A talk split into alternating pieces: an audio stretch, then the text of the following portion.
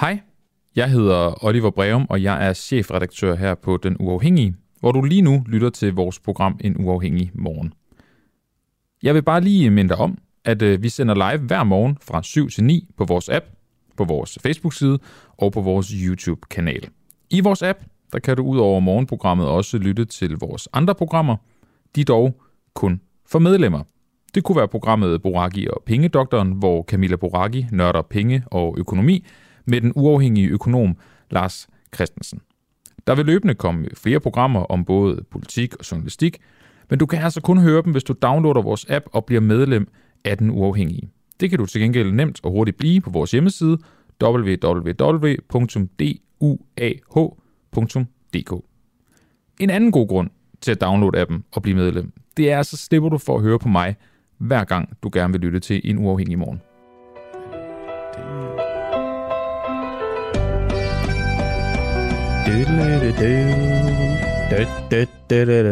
Godmorgen og velkommen til en uafhængig morgen. Jeres værter i dag, det er mig, øh, Christian Henriksen, og dig. Klar Vind, godmorgen. Ja.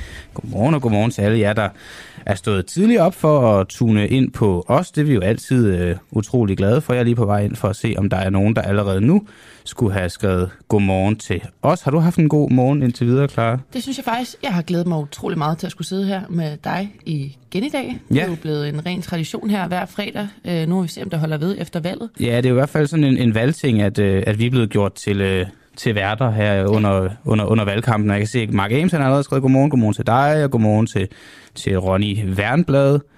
Så øh, god, og godmorgen til Jakob Lund. Nu tigger de alle sammen ind, og der kommer også flere og flere seere med. Og der er jo også en masse, der lytter med på appen, så også godmorgen til jer for pokker. I har jo ikke helt de samme muligheder for at respondere til os. Og ja, Mark, det var introen til The Office. Det tror jeg giver et meget godt billede på, hvordan vi egentlig har det herinde. Det er meget The Office. Ja. Men vi skal igennem en masse i dag, Christian. Ja. Og øh, det skal vi nok fortælle mere om efter vores første kilde. Ja, men jeg synes bare, at vi lige så øh, godt kan gå, øh, gå sådan rimelig meget øh, lige på og hårdt. Det er øh, Niels Peder Ravn fra Nye Borgerlige, der stiller op til Folketingsvalget her til øh, den første, eller ja, den første november er der valg, og lige nu sidder han i Københavns Byråd. Øh, godmorgen til dig, Niels Peder Ravn.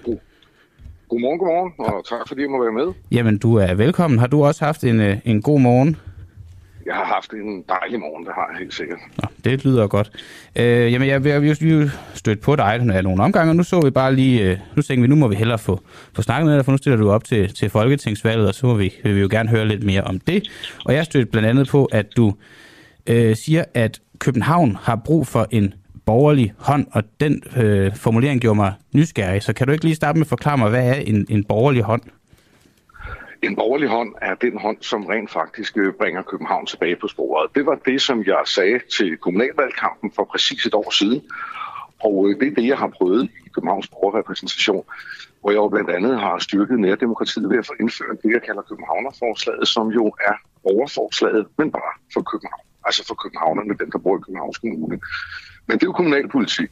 Hvis vi kigger på landspolitik, så trænger København saft susme også til at, øh, at få en borgerlig overhaling.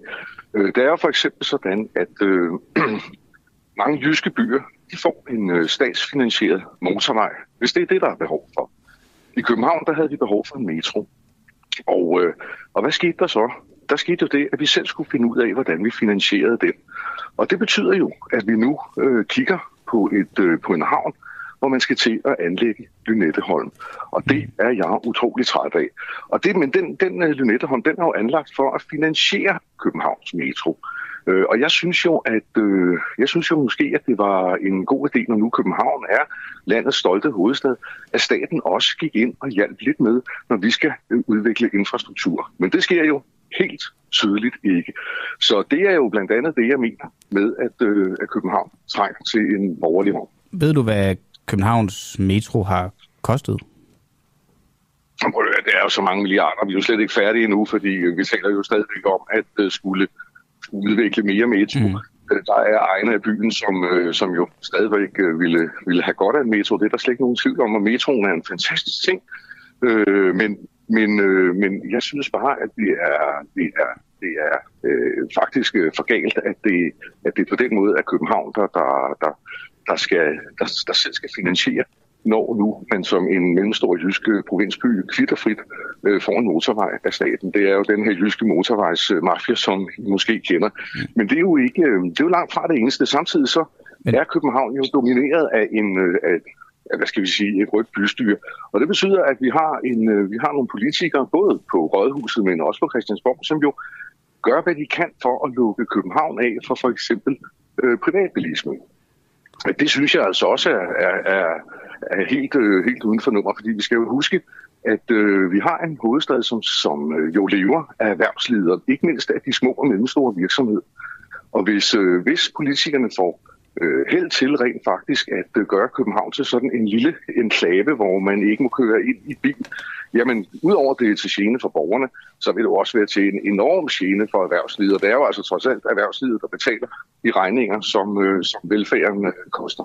Ja, okay. Jeg kunne godt lige tænke mig at gå tilbage til det, du snakkede om med, øh, med motorvej og metro og så videre, fordi det jeg så kunne tænke, det er, at en motorvej igennem Jylland jo er til gavn for en langt større del af Danmark, end en metro i København vil være, for blandt andet på grund af øh, transport af lastbiler og varer, der skal køres frem og tilbage, og alt sådan den der, øh, hvad kan man sige, markedsinfrastruktur, der, øh, der finder sted. Der, ved, der den metro, den er jo primært til gavn for de private borgere, der bor i, i København. Synes du, synes du stadigvæk, at det var staten, der skulle betale for, at københavnerne kan komme rundt? Ja, men jeg tror, at øh, altså, jeg, vil jo, jeg vil jo sige, at metroen jo oprindeligt er, er anlagt for at øh, netop mindske biltrafikken i København, og det betyder jo, at, øh, at, at hvis man kommer som, øh, som ikke-københavner, mm. så skal man jo også benytte den her metro.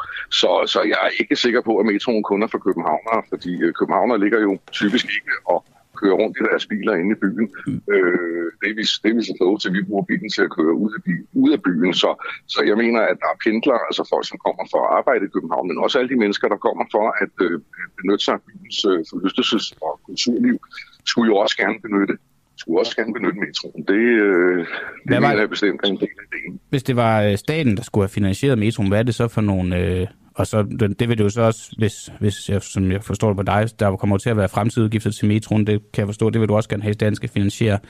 Hvilke penge er det i øh, statskassen, der skal finansiere øh, metroen? Jo, men altså, jamen altså, prøv, vi har jo... Øh, vi har jo, øh, vi har jo, øh, vi har jo statsbudgetter til øh, at etablere infrastruktur, og jeg er sådan set også med på, at... Men er der penge til over i det, i det statsbudget til at nej, skyde milliarder nej, i metroen? Nej, det er der ikke. Men det er jo også det, jeg mener, at, at, at, at når nu København er landets hovedstad, så mener jeg sådan set også bare, at det er statens forpligtelse selvfølgelig også at tilgodese øh, København og det københavnske erhvervsliv, og naturligvis ikke mindst øh, de 600 600.000 mennesker, som, øh, som bor i byen. Det Nej. synes jeg, der er rimeligt. Nej, jeg, jeg forstår godt, øh, hvad, hvad det er, du øh, siger. Jeg tænker bare, hvis, hvis det reelt set er noget, du vil kæmpe for det, så havde du måske nogle idéer til, hvad det er for nogle øh, penge, man kunne øh, tage fra det ene sted og flytte øh, herover. Nå, men øh, jamen, altså, øh, der, er, der er jo masser af muligheder for at, øh, for at omprioritere på forskellige Kan du prøve at nævne øh, en, en mulighed? Ja, men prøv nu at høre her lige i øjeblikket. Der har, taler vi jo om at lave en, øh, en kat-kat-forbindelse. Den skal jo også finansieres på et tidspunkt. Mm. Og, øh, og, og hvis man mener at have råd til at finansiere en, et så øh, kæmpe stort projekt, og øvrigt også et projekt, som jeg ikke er udpræget tilhænger af, kan jeg sige, så mener jeg altså også, at der må være penge til at... Øh, at gøre København bedre, uden at, øh, at vi skal have Lynetteholm, øh, byggeri på Amager, Fællet osv. Ja, ja, ja, jeg tænker bare alligevel, sådan, du siger, hvis, hvis man har penge nok til det, så har man også penge nok til det andet. Det er sådan, ja, sådan lever jeg nogle gange også mit liv, men øh, så har jeg også lige pludselig øh, bankkontoen tom. Det, jo, jo, det... men ja, ja, det er vi helt enige om, og selvfølgelig skal vi være fornuftige med vores, øh, vores penge, det, det, det er helt sikkert. Men ja, der er, der er det jo netop, jeg siger, så skulle vi måske kigge lidt mindre på en, øh, en Kattegat-forbindelse, og så kigge lidt mere på, hvordan vi rent faktisk sikrer, at København bliver ved, eller måske ligefrem igen bliver en, en by, som er centrum for, for både forskning, for uddannelser og ikke mindst selvfølgelig for et erhvervsliv, som, øh, som kan blomstre frit og uhemmet. Niels Peder Ravn, lyder det jo meget som om, at du kommer ind i Folketinget og øh, kun vil gøre livet bedre for københavnerne. Der sidder en masse, masse mennesker derude, der ikke aner, øh, hvad det er for nogle et ting, du taler om, og hvorfor det er, at alle skal være med til at betale dem. Hvad har du af planer for resten af landet? Resten af landet, der jeg tror, at... Øh, at mange mennesker er bekendt med nye borgerlige politik. Altså, øh, en af de, et af de øh, store, øh, store mærkesager, jeg har, det er netop at styrke nærdemokratiet. Og det vil sige, at øh, nu har jeg fået indført Københavnerforslaget for københavnerne. Og det er jo kun et skridt på vejen på, for et styrket nærdemokrati. Det, som jeg synes, det er, at man skal have flere bindende kommunale folkeafstemninger. Øh, det kunne jo for eksempel være, at... Øh, at det kunne handle om, hvis der var store anlægsprojekter i ens kommune. Kunne man forestille sig for eksempel vindmølleprojekter? Kunne man forestille sig øh, netop infrastrukturprojekter? Kunne man forestille sig øh, byggerier af, af, af, af nye sygehuse? Kunne man forestille sig øh, skole osv.? Altså simpelthen en, en styrkelse af nærdemokratiet, hvor vi ikke kun på kommunalt niveau går til valg hver flere år for at vælge nogle byrådsmedlemmer, men også har mulighed for at gå til valg, når der sker store ting i vores kommune. Så hvordan skal det foregå med, hvis der ikke skal være valg hver fjerde år? Hvornår skal man så kunne vælge nogen ind og ud? Nå, men, nå, men der skal være valg hver flere år. Det er repræsentativt demokrati er fantastisk. Men ofte tror jeg bare, at, øh, at politikerne kan have nogle, øh, nogle interesser, som ikke altid øh, er de samme interesser, som den pågældende kommunes borgere har.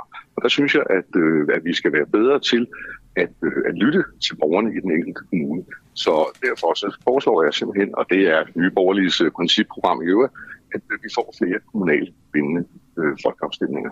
Hvorfor er det, du egentlig er imod Linetteholm? Er det på grund af de miljømæssige konsekvenser?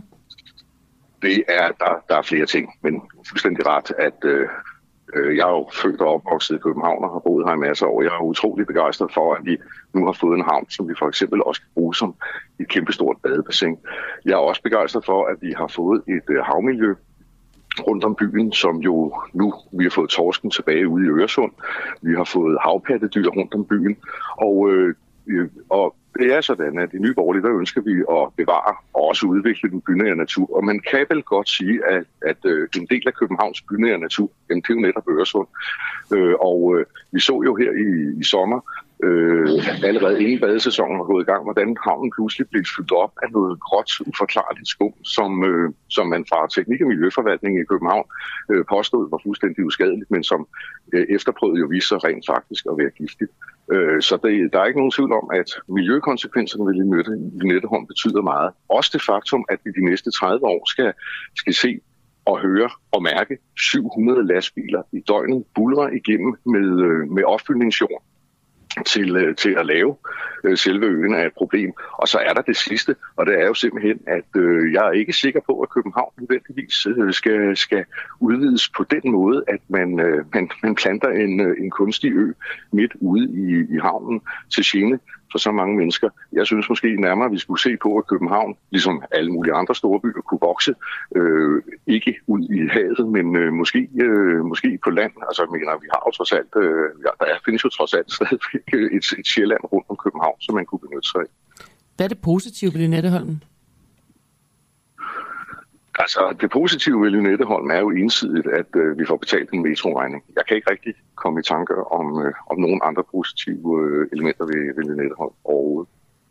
Der er en, øh, der er en øh, lytter, der skriver øh, ind, øh, han skriver beklagermester, han hedder Mark, han skriver beklagermester, det eneste jeg har hørt dig sige er, at København skal have flere penge, fordi det er landets hovedstad. Det er ikke et godt argument. Kan du ikke lige for at modbevise den fortælle øh, en ting, du vil gøre for at forbedre livet i udkants Danmark?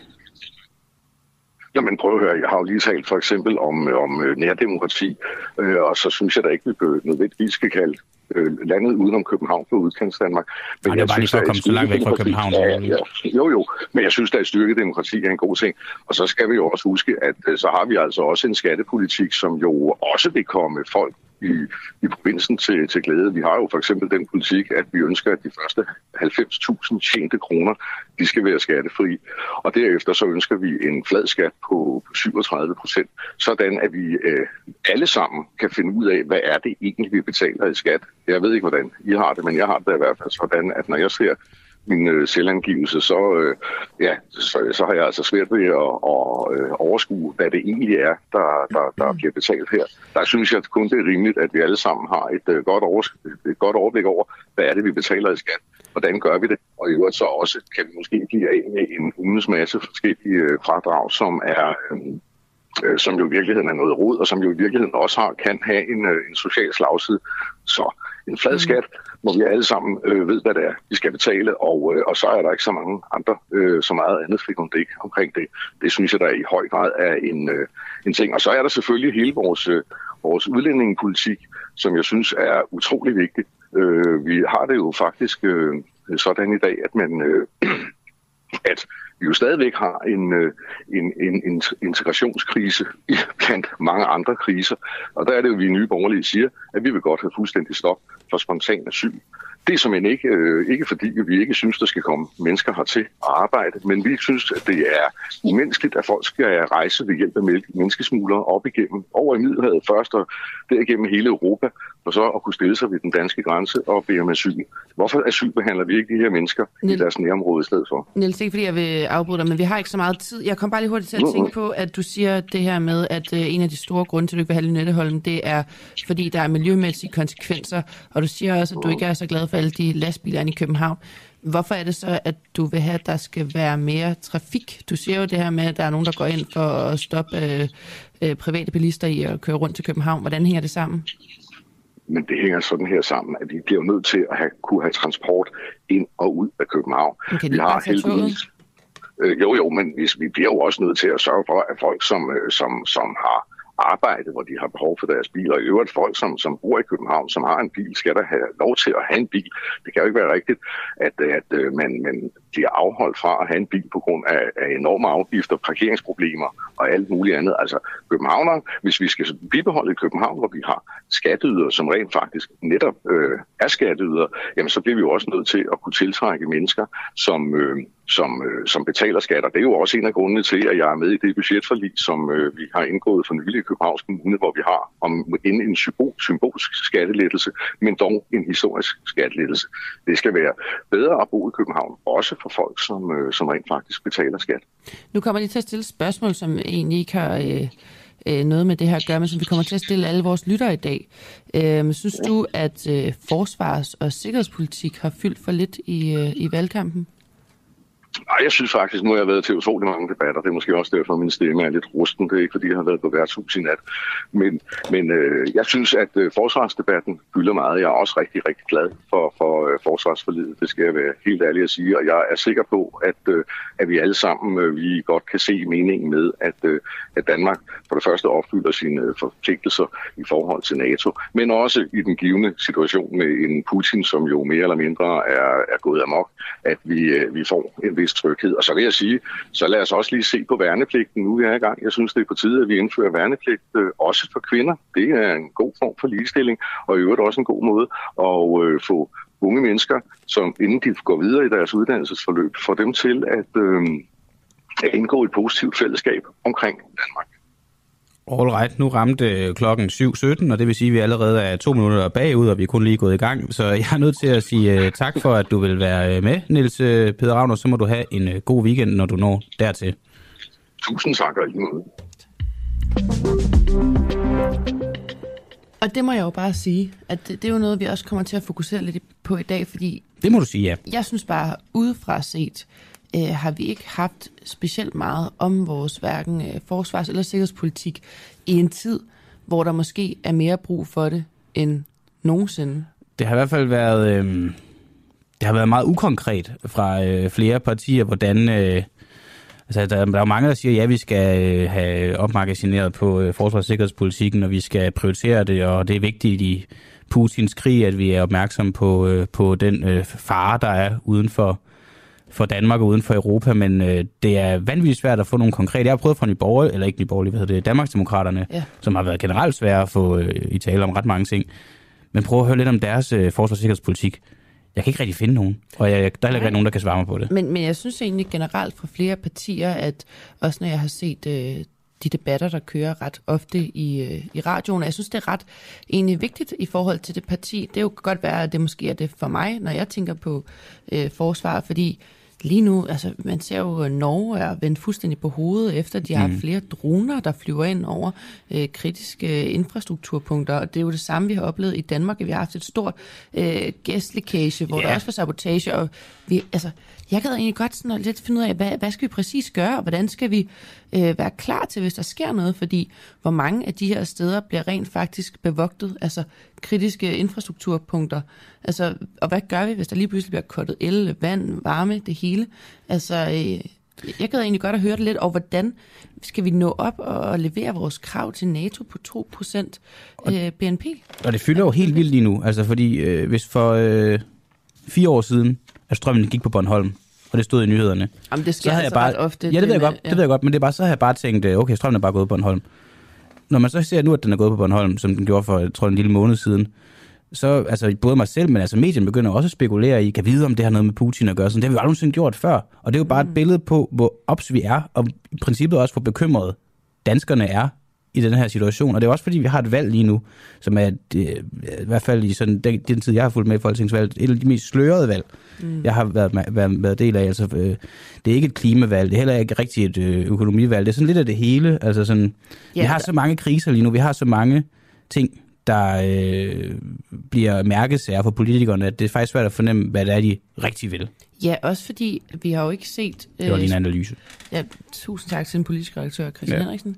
Øh, men også mere fordi, vi har ikke set de forskellige regeringer gøre specielt meget for forsvaret, for eksempel. Altså, Blak-regeringen øh, mm. smadrede jo forsvarsforlidet ja. øh, og budgettet dengang, og det er jo ikke fordi, at øh, den røde regering egentlig har, har gjort særlig meget for forsvaret, og det tror jeg egentlig øh, tager os øh, fint videre mod øh, det ja. næste indslag her, fordi så kommer spørgsmålet nemlig om, har Morten Bødskov løjet for åben mikrofon, altså vores øh, forsvarsminister. Ja. Fordi i sidste uge, der sagde forsvarsminister Morten Bødskov, at han havde ikke tilbageholdt, set den tilbageholdte NATO-rapport om det danske forsvar. Men ifølge Forsvarsministeriet blev rapporten altså behandlet på et NATO-møde den 12. til 13. oktober, hvor Bødskov han selv deltog. Og det kan forsvaret, øh, forsvarsmediet Olfi fortælle. Og derfor vil jeg sige godmorgen til dig, Peter Ernstved øh, Rasmussen, der er stifter og chefredaktør på Olfi. Ja, godmorgen. Kan du ikke starte med at fortælle, hvad er det for en NATO-rapport, som det hele drejer sig om? Det drejer sig om den rapport, der hedder NATO Defense Planning Capability Review, og det er en rapport, der udkommer hver andet år, som øh, evaluerer medlemslandenes forsvarsplanlægning. Øh, altså øh, i Danmark har vi jo forlig, der strækker sig over flere år, og det som rapporten går ind og gør, det er, at den ser på, hvilken tilstand har Danmarks forsvar, og hvor dygtige er vi til at implementere de politiske aftaler på forsvarsområdet, som vi har indgået. Altså når vi har lavet et forlig, der går fra 18 til 23, der har vi besluttet en masse ting. Hvordan går det med at implementere det forlig? Og der kan man sige, øh, der fik vi jo den seneste rapport i oktober 2020, og det var en harsk kritik af øh, det danske forsvar. Både tilstanden på, hvad vi rent faktisk kunne, men også hele implementeringen af det forlig, der blev indgået i januar 2018. Og bare for at sige, hvad det var, der var i den sidste rapport, så var det jo blandt andet hård kritik af den første brigade, som var det store slagnummer i forliget fra 2018. Altså det manglede luftværn, det manglede soldater, det manglede våben, det manglede, det manglede ammunition. Og på samme måde tog den ligesom punkt for punkt, hvad er det, vi ikke kan. Og, øh, øh der, vi allerede dengang manglede vi øh, evne til at se, hvad der foregår under vand. Vi havde besluttet at købe noget sonar til vores fregatter, som vi endnu ikke har fået. Vi har besluttet at købe sonarbøjer til de maritime helikopter. Dem har vi stadig ikke fået. Øh, så punkt for punkt var det sådan en hård kritik af, hvordan det stod til, og konklusionen var, at fordi Danmark halter så langt bagefter på en lang række områder i forhold til de styrkemål, vi har lovet NATO, så må andre lande træde til og lukke huller, indtil Danmark bliver klar. Og nu er det så, der er kommet en ny rapport, og det må vi sjovt nok ikke se. Og, og hvorfor, hvorfor skulle Morten Bødskov være interesseret i at, at komme med sådan en her form for, for nødløgn? Fordi I spørger ham jo, øh, hvornår har du set den, og, og har du overhovedet set den? Og, og der starter han jo med at sige, øh, det, han kan ikke, er det noget med, at han siger, at han kan ikke huske det, eller øh, han har ikke set den? Han siger, at øh, han har ikke set den, og han har ikke nogen specifik viden omkring den rapport. Og det, der bare er påfaldende, det er jo altså, to ting i det. Hvorfor skulle han øh, ønske at holde den hemmelig? Altså, Øh, Socialdemokratiet har ikke noget ønske om, at forsvaret bliver et tema i valgkampen, fordi det vil åbne en flanke i forhold til de borgerlige partier. Og derfor øh, indgik Socialdemokratiet jo med stor dygtighed det her nationale kompromis i marts måned, som ikke er et forlig, men en aftale, der bare beslutter, at vi skal op på 2% af BNP og bruge det på forsvar inden udgang af 2033. Når Morten Bødskov ikke er interesseret i at tale forsvar, så er det, fordi han ved godt, at det ser forfærdeligt ud, og det vil åbne en flanke i forhold til de borgerlige partier i, øh, i, i valgkampen, hvis vi lige pludselig kunne tale om, hvad tilstanden er på det danske forsvar. Men, men sagen er den, han siger, at han ikke har set den. Vi ved fra Forsvarsministeriet, at den blev sendt til Forsvarsministeriet i Danmark fra NATO, formentlig efter udskrivelsen af Folketingsvalget den 5. oktober, men i nogle dage inden, at Morten Bødskov skulle til NATO-forsvarsministermøde i Bruxelles den 12. 13. oktober.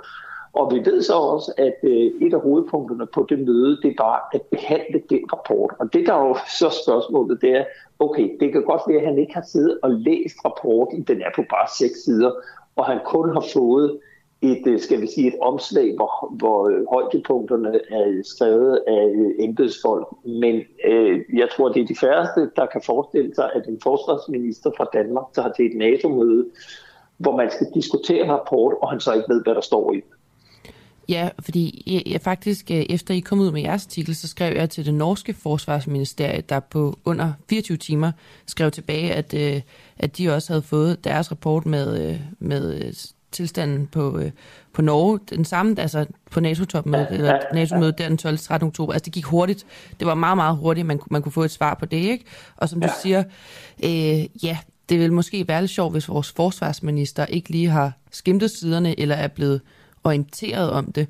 Men det vil jo, det vil jo virke useriøst, og, og, og så vil man i hvert fald kunne spille spørgsmål, stille spørgsmål ved, om at han øh, evner at øh, være minister på sådan et område. Så, så selvfølgelig ved han, hvad der står i den, men det kan jo selvfølgelig godt være, at han har ikke siddet og bladret i den selv, men bare fået den refereret. Så hvor er det præcist, I mener, at Morten Bødskov han har løjet? Jeg siger ikke, at han har løjet. Mm. Jeg stiller spørgsmålet, om han har løjet, men, men sagen er jo bare det, han, altså, der er to ting i det. Han siger først til mig, øh, på baggrund af et svar, der er sendt fra Forsvarsministeriet, at han kan ikke udlevere den rapport til ordførerne i forligskredsen, fordi det vil være at bede embedsværket om at arbejde for regeringen midt i en valgkamp. Og det kan man simpelthen ikke, fordi det er den danske tradition, at når der er udskrevet valg, så lukker dørene til ministerkontoret. Det er jo det første, han siger. Og så siger han dernæst, at han ved ikke, hvad der står i rapporten. Han har ikke set den, han har ikke nogen specifik viden om den. Så kan vi jo så konstatere lidt senere, at der har været det NATO-forsvarsministermøde, øh, hvor han selv har deltaget, og hvor rapporten er blevet debatteret. Hvor, hvor han fastholder over for mig, at han ikke har set den rapport. Men der sker jo så det, efter vi sætter fokus på det, og øh, ringer rundt til en række ordfører, der kritiserer det voldsomt og kalder det udemokratisk og hvad ved jeg, at lige pludselig, så kan man åbenbart godt dele rapporten med forsvarsordføreren midt i en valgkamp. Men der sker bare det, som ikke er sket før, at man så har fået FE til at vurdere sagen, og så har man fået på baggrund, det er jo forklaringen i hvert fald, på baggrund af FE's vurdering, så har man så overstreget over halvdelen af rapporten, så vi ikke kan læse, hvad der står i rapporten. Men den overstregede rapport er så sendt til forsvarsordføreren og til de journalister, der har søgt aktindsigt i den. Så, så det virker jo som sådan et skyggespil, hvor man prøver at øh, opstille nogle regler, som ikke eksisterer. Altså et, vi må ikke læse den. Ah, okay, det må I så godt alligevel. Jamen, jeg har ikke læst den. Ah, det har jeg måske så alligevel. Så, så, så det er jo i hvert fald sådan en omgåelse af sandheden, hvis forsvarsministeren han, øh, øh påstår, at han ikke aner, hvad står i den rapport. Ja, når vi hører ordet øh, nødløgn om Morten Bødskov, så er det jo ikke øh, første gang, man hører om det. Jeg tror, der er flere, der kan huske dengang øh, med hele øh, Christiania-episoden af Pia Kærsgaard, hvor at Morten Bødskov jo også var ude for, at han øh, havde stukket en øh, nødløgn, og jo, der var rimelig hæftige konsekvenser af det. Hvor alvorligt øh, er det den her gang? Jamen altså, man kan sige, at Morten Bødskov, han taler jo politikersprog, og, og, og han siger jo lige præcis, jeg har ikke set rapporten. Ligger der i det, han ikke har læst den, eller at, at han, øh, og, og han så har fået den refereret, han har fået den i et omslag, hvor nogle... Han er blevet orienteret om den.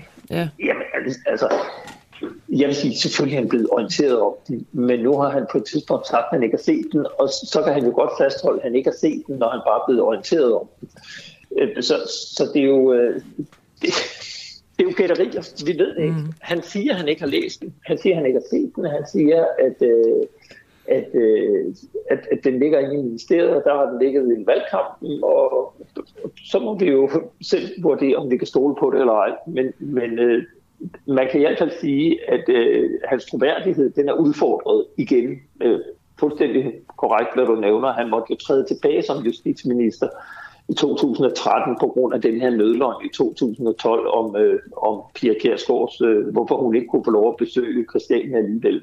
Og det er jo altså nogle, øh, det der er øh, kolleger i Folketinget, der fremfører som, at øh, det gør det jo lidt svært at stole på manden, når han nu så ovenikøbet siger, at han ikke kan dele den med forsvarsordførerne, efter han få dage senere deler den med forsvarsordførerne. Altså det virker som om, han stiller nogle regler op, som ikke passer. Så det næste, man måske, altså hvis man virkelig skulle øh, flueknæppe de her spørgsmål, øh, lad os nu sige, at vi møder ham inde til valgaftenen, det er måske at spørge ham, er du på noget tidspunkt blevet orienteret om denne her? Præcis, præcis. Okay. Jamen... Og, og, og, og, og det er jo sådan noget, hvor man også som journalist bliver irriteret både på sig selv, ja. hvor man tænker, okay, skulle jeg ikke bare have stillet spørgsmål en lille smule anderledes, så havde jeg, så havde jeg kunne hænge ham op på det. Så, altså, altså ja. jeg, tror, jeg tror også, når folk sidder og lytter med derude, at man skal tænke på, når man står i, nogle gange i disse situationer, også som journalist, så tænker man jo, at jeg stiller det mest øh, basis spørgsmål, men de er jo sindssygt dygtige til at fange den, og så bruge den præcis på ordene, ikke? Øhm, men nu jeg vil jeg gerne stille dig et andet spørgsmål, Peter Ersved, fordi vi stiller det her spørgsmål til alle vores kilder i dag. Øh, og det er, om du synes, der har været nok fokus på vores forsvars- og sikkerhedspolitik her i valgkampen? Øh, nej, og, og det, det har jeg jo ofte skrevet om. Altså, jeg, jeg synes jo, det er helt vildt. Vi, vi har en krig i Ukraine, som er få hundrede kilometer væk og den ser ud til kun at eskalere hele tiden. Altså, der er jo intet, der tyder på, at den stopper, og for hver gang, at ukrainerne gør fremskridt, så truer øh, russerne med det næste. Det næste er jo, at de taler om dirty bomb, og øh, at Rusland truer med at bruge atomvåben i den, i den russiske debat. Der taler man om, at øh, vi skal bare smide en atombombe i en af de vestlige øh, hovedsteder, så øh, er alting løst. Og det er som om, at vi slet ikke forholder os til, at Europa er i krig. Altså, vi har ikke noget beredskab, vi har ikke noget forsvar, vi har på ingen måde det, der skal til, og alligevel så ender vi bare, bare at sidde og tale normeringer og øh, alt muligt andet, som, som jo også er fint nok, men, men, men hvad er en normering i en børnehave værd, hvis der pludselig lander en atombombe i København? Altså det er sådan, øh, ja, jeg sukker, fordi øh, mm-hmm. det virker for mig som en både uansvarlighed og en manglende lyst til at inddrage befolkningen i rigets sande tilstand. Og den er ikke god, skulle jeg hilse sige. Ja, fordi en ting er jo øh, dirty bombs og alt muligt andet, men der er jo også, som jeg sagde før, at der er droner, der holder øje med øh, kritiske infrastrukturpunkter. Der er mange ting, som øh, sker rundt om i Europa lige nu, jeg snakkede med Obers Møller i går, som vi også skal snakke med senere, der sagde, altså den hjælp Danmark kan give er jo, at vi kan sende Tivoligarden eller Frelsens her, og så kan vi håbe på, at Jægerforbundet vil hjælpe med at skyde nogle droner ned, hvis vi er heldige. Præcis. Præcis. Ja, det, men, det, er, ja. det er meget rammende sagt, og, og jeg må bare sige, at, at jeg deler bekymringen, og jeg deler frustrationen over, hvor lidt vi taler forsvar i den her valgkamp. Ja. Hvem, hvem synes du egentlig, øh, hvis jeg må spørge, der er kommet med det bedste, øh, de bedste forslag i forhold til en fremtidig øh, forsvarspolitik? Hvis vi taler valgkamp, så vil jeg sige, at de konservative er de eneste, der er kommet med et forslag. Altså, men, men det er der også et eller andet sted er meget rammende for den her valgkamp. Altså Søren Pape Poulsen var i mandags ude i Radio 4 morgen og komme med et forslag på forsvarsområdet. Og jeg tænkte, det vil jeg gerne læse. Så gik jeg på de konservatives hjemmeside for at læse om det forsvarsudspil. Og det lå der ikke. Det var ikke omtalt på de konservatives Facebook-medier. Hvis man vil høre om de konservatives øh, forsvarsforslag, jamen, så var man nødt til at gå ud og genlytte interviewet med, øh, med, med formanden på Radio 4. Og det siger et eller andet om, hvor venstrehåndsagtigt man tager hele den her øh, forsvarspolitik. Hvorfor er det ikke lanceret med et øh, oplæg, som man kan gå ind og læse om, og rent faktisk lave journalistik på det? Så får man på fat i Søren Det kan man så ikke. Og, og så dør den bare der. Og, og, og altså, Ja, jeg ved ikke, hvad jeg skal sige. Jeg må bare sige, at øh, jeg synes ikke, der er nogen partier, der er kommet med nogle særlige øh, opløftende forsvar, forslag på forsvarsområdet. Jeg synes, det er en totalt fraværende debat, og, og, og jeg må også bare sige, at i min optik har Venstre og Konservative øh, vi, altså virkelig spillet bolden over på Socialdemokraternes område ved at gå med i det nationale kompromis. For ved at gå med i det nationale kompromis i marts måned, der accepterede Venstre og Konservativ, at vi først skal op på 2% i 2033. Så er det bagefter prøvet at kritisere, at det går for langsomt. Men hvorfor i alverden går de så med i en politisk aftale, hvor partierne bare kan sige, jamen I har jo selv sagt, at, at, at I vil være med på en plan, hvor vi først er deroppe i løbet af 12 år. Altså, de har fuldstændig spillet sig selv af banen, og, og det betyder bare, at den debat bliver holdt fuldstændig ud af valgkampen. Susanne Kælerup, en uh, lytter, hun skriver lige, at hvis man vil høre mere om den her slags, så kan jeg stærkt uh, anbefale at abonnere på uh, Olfi. Nu er vi jo ikke et uh, reklamemedie, men, uh, men jeg, vil lige, uh, jeg vil lige gøre det samme. Åh, oh, ja, tak. så vil ja, også vi... hvis man vil læse den fremragende historie om Morten Bødskov og uh, spørgsmålet ja, om, hvorvidt han har lavet eller ej. Og Præcis. vi skal jo nok sige, at øh, hvis vi ser ind på valgaften eller møder om før, så skal vi nok prøve at, at stille spørgsmålet også. Så siger vi, at vi er her på vegne af Peter Ernstved, og vi ja. vil gerne spørge dig om det. Okay. Men det kan være, at vi mødes fordi jeg er faktisk også derinde. Nå, fint nok. vi, vi, vi laver øh, fælles front mod Morten Bødskov. Ja, ja vi omringer ham sgu. Præcis. Ja. Det lyder godt. Nå, men øh, tak fordi, at øh, du var med, øh, Peter Ernstved, Rasmussen, stifter og chefredaktør på Forsvarsmagasinet Olfi. Det var en fornøjelse. Tak fordi jeg måtte. Du er meget hurtig til det der med lige at øh, slukke den lidt før kilden er færdig med at sige en god dag. Ja, ja. Men ja. altså, vi skal også videre, vi, ja, ja, ja. og der er allerede gået 5 minutter over tid, og lige før der sagde vi, gået 2 minutter over tid. Rigtigt. Og, øh, du tager bare mikrofonen nu. Ja, jeg tager bare mikrofonen, og det er jo fordi, at nu skal vi snakke med en... Øh, en af vores politiske kommentatorer. Vi har jo nogle, øh, nogle forskellige politiske kommentatorer her under valget, men det vi sådan det, som har som ambition, det er, at det skal ikke være dem, de andre bruger. Det her det skal være nogen, der har øh, fingrene i og har haft fingrene i bolledejen, ja. Og, øh, og en af dem, der, der må sige sig har haft øh, fingrene i bolledejen i, i nogle år, det er øh, dig, Liselotte Blikst. Øh, godmorgen. Ja, god morgen. Har, øh, har du haft en god morgen? Ja, jeg er nede i sommerhuset nede på Lolland sammen med mine børnebørn. Det er dejligt. Det lyder dejligt. Ja. Ja, det er sådan noget, man kan nu, når man ikke er i valgkamp. Ja, præcis. Er det, er det, ikke, altså, er det ikke rart næsten, at du... Det er så dejligt, det er det. Jeg har det, jeg har det rigtig, rigtig godt med det, så det, øh, Ved du, det du... kan være lidt underligt, men, men, øh, men, men det er ikke sådan, at jeg tænker, yes, jeg vil godt have hængt det op i øh, lygtepælen. Nej. Jeg kan også godt tænke, at det er en meget stressende periode, altså det her valgkamp for en politiker. Ja. Altså konstant at skulle være ude og at få stemmer. Ja, og være på hele tiden, ikke? Og hele tiden øh, skal have nogle holdninger om de forskellige ting, og hvad skal vi nu mene? Hvad, hvad, hvad siger andre, jeg skal mene om det her? Ikke? Altså, ja. Men øh, vi vil egentlig godt høre lidt om, øh, hvad, hvad du mener, så måske ikke om, øh, om din egen øh, politik, men lidt om, mm. lidt om de andres. Øh, ja. For du er jo vores politiske kommentator i dag, vores analytiker. Mm. Og øh, vi har et spørgsmål, vi stiller alle vores kilder i dag. Jeg tænker, vi kan bare lige ja. prøve at starte med det, og det er om, det øh, synes du, at forsvars- og sikkerhedspolitikken den har fyldt for lidt her i valgkampen? Ja, det synes jeg, det er et af de emner, som jeg godt kunne tænke mig at høre lidt mere om, hvad de forskellige partier øh, ser øh, af beredskab i fremtiden på, på mange områder. Ikke? Mm. Så, øh, så det, det, det, det synes jeg. Hvorfor tror du, den fylder så lidt? Fordi, øh, fordi de tror, folk er, er dumme og ikke forstår, hvad det er, de snakker om. altså, de tager det mest jordnære, øh, det der er tættest på den enkelte borger. Øh, det, det handler om øh, bedre hjælp øh, til dig og mig her nu, ikke? Mm. Altså, ja. Alright. Jamen, øhm, lad os bare lige, øh, lige hoppe, hoppe videre til det, der så var den reelle plan, og det er jo at, at høre et par kommentarer om sådan lidt mere det generelle valg. Nu går vi jo til weekend, og det er jo den sidste weekend, mm. vi går til, inden, øh, inden at vi har øh, valgdagen på tirsdag. Hvem, ja. øh, hvem står lunest i svinget som statsministerkandidat lige nu i dine øjne? Mm. Altså, jeg synes stadigvæk, det hælder til øh, Mette Frederiksen. Mm. Øhm, men øh, jeg håber jo, jeg er jo blå, øh, så, så jeg håber stadigvæk, der kommer noget blåt øh, flertal på, ikke? Med mindre de laver den her øh, midter, øh, midterregering, men den, den, den tror jeg bare ikke rigtig på. Jeg, jeg tror, det er noget, man siger uden at mene det.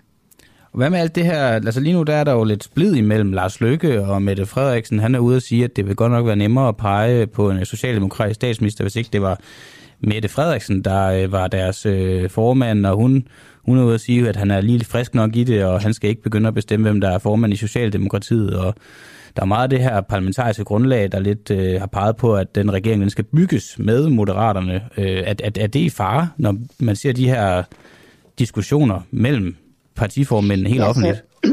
udefra set, så jeg har jo undret mig over den måde, Lars Løkke og Moderaterne kom ind og, og sat deres, øh, hvad kan man sige, der, deres holdninger og hvem det var, de ville pege på, hvordan de ville lave regering. Og, og faktisk tror jeg slet ikke, det er det, de vil. Det er, det er som så meget andet et eller andet skuespil for at trække vælgere over, og så laver man en blå regering. Jeg tror aldrig nogensinde, at de vil have gået sammen med Socialdemokraterne, uanset hvilken form det var. Nu, nu har du jo også kunne, kunne lænde lidt tilbage og både se på øh, dit gamle parti øh, DF og, og Danmarksdemokraterne. Hvordan synes du, Inger har formået at føre hendes første sådan, valgkamp for et øh, nystartet parti? Øh, jeg synes, der manglede, mangler stadigvæk noget politik. Jeg synes, det er synd i et sted, hvor man står med, med de udfordringer, vi har. Øh, for eksempel på det område, jeg arbejder med, med sundhed og psykiatri, at man ikke har en politik på området. Øh, det så vi i debatten i går aftes. Altså der, der synes jeg, der var mange, hvor jeg tænkte, alle står og siger, at vi er enige med psykiatriplan. Det sagde man også for fire år siden, det sagde man også for otte år siden. Øhm, og der sker jo ikke noget alligevel. Altså. Så der bliver bare sagt en masse valgflæsk fra alle sider egentlig, hvis du skulle ja. se det på den måde. Altså, øh, fordi det gør der jo normalt Jamen, det, i valgkamp, ikke? Men... Jo, men jeg synes, altså, jeg er nået det sted, hvor jeg synes, altså en ting er, at du vil arbejde for noget, og du kæmper, men man ikke kan få det igennem. Men så har du trods alt kæmpet. Men nu har jeg været derinde i 15 år, og jeg synes ikke rigtigt, man har kæmpet for de ting, som man faktisk har sagt, man ville. Øh, og der har jeg kunnet mærke på mit område. Altså det er øh, flere år siden, der var, øh, det var Helle Thorning, Lars Løkke, Christian Tulsendal, der stod og sagde, at der skulle ikke være øh, alle senge på gangene, det skulle væk, og der skulle tilføres midler, og der skulle det ene og det andet. Og jeg synes, at øh, ja, men det lyder så godt, når man siger det, men når det kommer til stykket, så er det øh, sådan en lille bid, ligesom nu psykiatrien, så får du 500 millioner, og så, så tror vi hele øh, Danmarks sundhedsvæsen kan køre på det. Ikke? Så når du læner dig tilbage og ser de her debatter, og som du også siger, har, har siddet til forhandlinger inde på borgen og kæmpet for nogle ting, og du hører, at de alle som sidder og fortæller en masse, som ikke er rigtig er kommet igennem, men der er stadig en masse løfter. Hvem synes du, der, der kan sidde og love lytter noget, de ikke skal love? Altså, hvem, hvem er der har svigtet? Jamen, det er de fleste partier, synes jeg, der har svigtet. Øh, hvis man mener noget i en valgkamp, så skal man jo netop tage det op lige efter valgkampen, og så har du altså fire år til at, at kæmpe for de her ting. Og der, der, der, skal vi, der skal I være bedre til at øh, gå ind og se, jamen, hvor meget har du gjort for det her område? Altså, fordi det, det, kan, man kan jo, det kan vise sig bagefter, at jamen, hvor mange spørgsmål du stillet. Har du taget kontakt med ministeren? Øh, har I lavet nogle forslag i salen? Øh, men sådan noget, det, det, det driver bare. Hvad, hvad tænker du så om også nu, hvor du, du selv er gået af DF? For eksempel Lars Lykke. Der var også en hel oversigt over, hvad han gik ind for af, af områder, øh, da han var øh, statsminister øh, og, og formand for Venstre, hvor han nu går imod dem. Hvad synes, hvad synes du om, at man som person går ud og, og skifter øh, kurs på den måde? Men jeg synes jo, det er underligt, at man, øh, man skifter kurs på den måde. Ja, altså, den måde, man så taler om et, et, et øh, parti, som faktisk var med til at gøre ind til statsminister, det, det synes jeg faktisk er lidt røvet. Ikke? Øh, derimod kan man jo sige, at det er jo ikke alt, man er enige om, fordi så har man jo været i et parti. Man er flere partier, der skal arbejde sammen, og så er det jo klart, at der er nogle ting, man må sluge, som man ellers ikke ville have gjort. Så selvfølgelig kan man have en anden holdning, men det var trods alt øh, Dansk Folkeparti, der gav ham magten, øh, som, som han fik dengang. Ikke?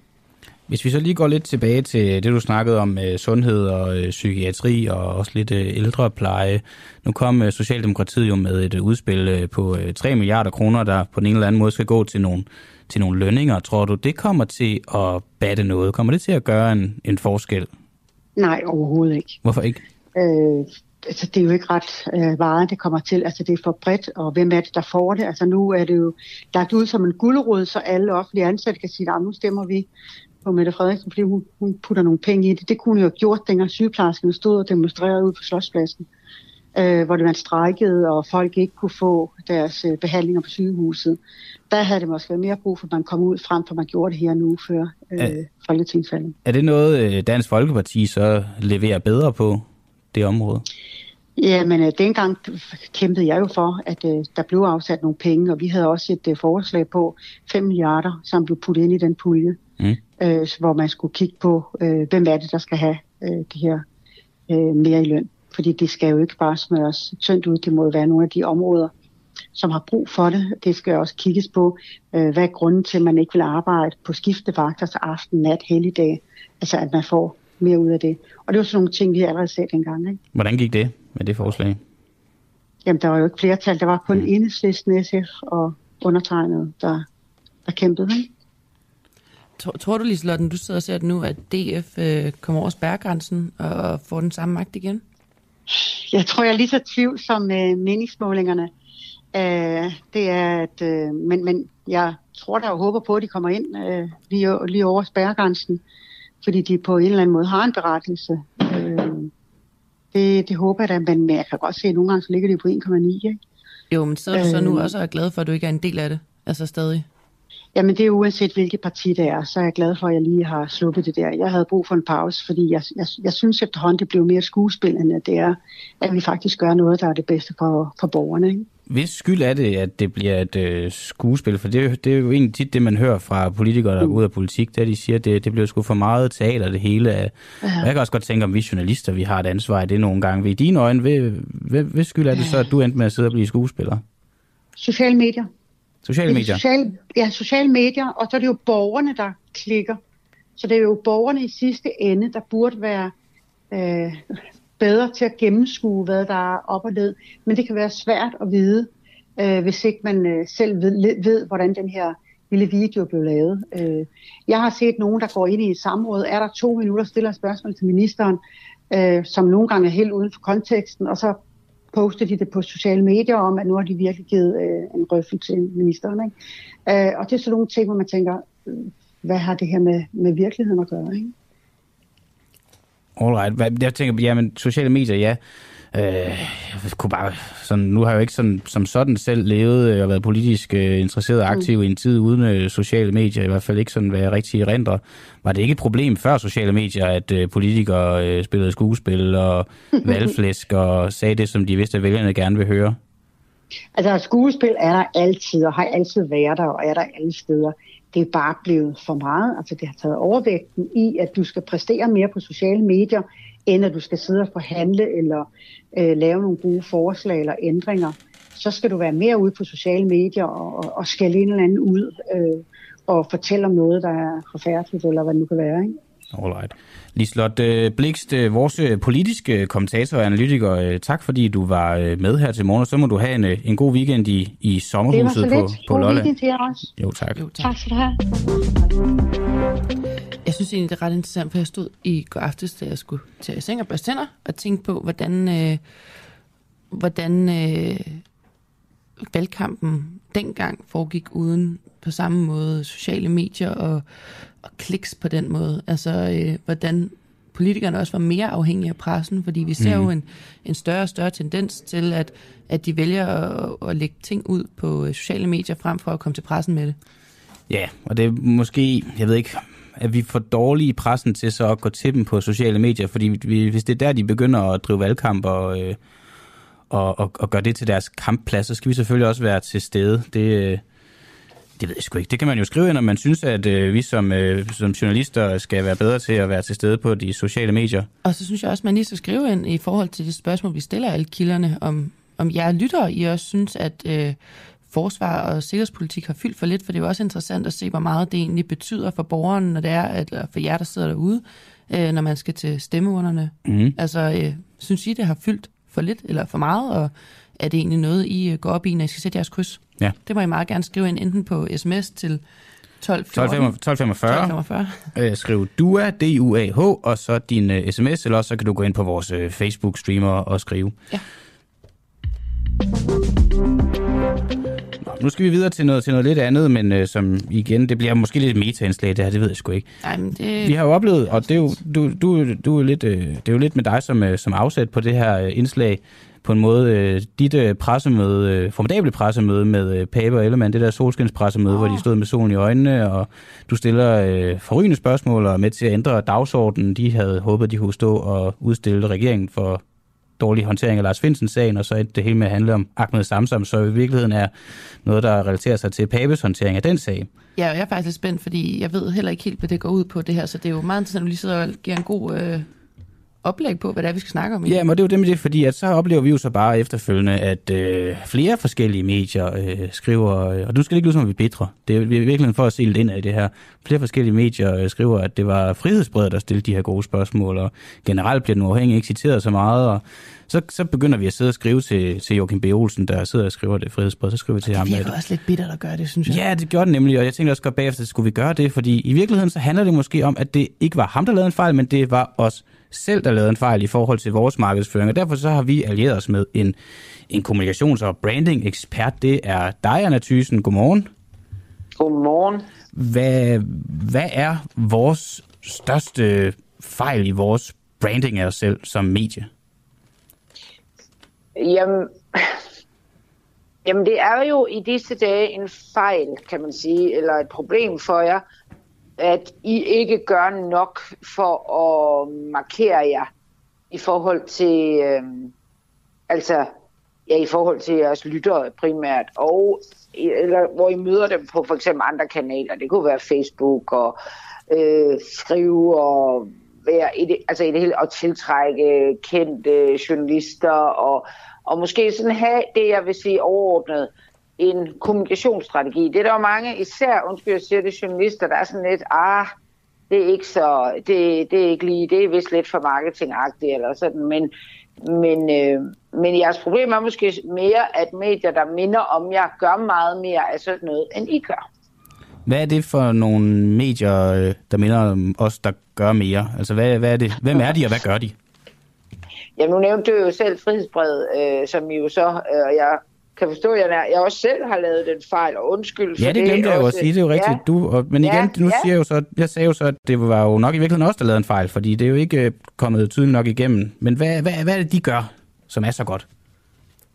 Ja, altså, de, de, de, for det første tror jeg, altså jeg ved jo ikke noget konkret om det, tror jeg, de har erkendt, at det her med at, at, at brande sig, det er sådan et langt sejt træk. Og, og det gør de jo ved at udsende ufattelig mange nyhedsbreve, altså, altså alt muligt på skrift, og, øh, og gøre ting, altså som, som, som målgruppen eller danskerne lægger mærke til. Øh, og I minder jo på en eller anden måde sådan lidt øh, om dem. I er sådan, altså bare ordet frihed og uafhængig. Det er sådan for folk mm. lidt det samme. Kan I følge mig? Ja. Det er sådan, åh, det er noget med nogen, der ikke er i lommen på nogen. Hvilket jo egentlig er godt. Men det virker jo lidt som om, at lige nu er der kun plads til frihedsbredet.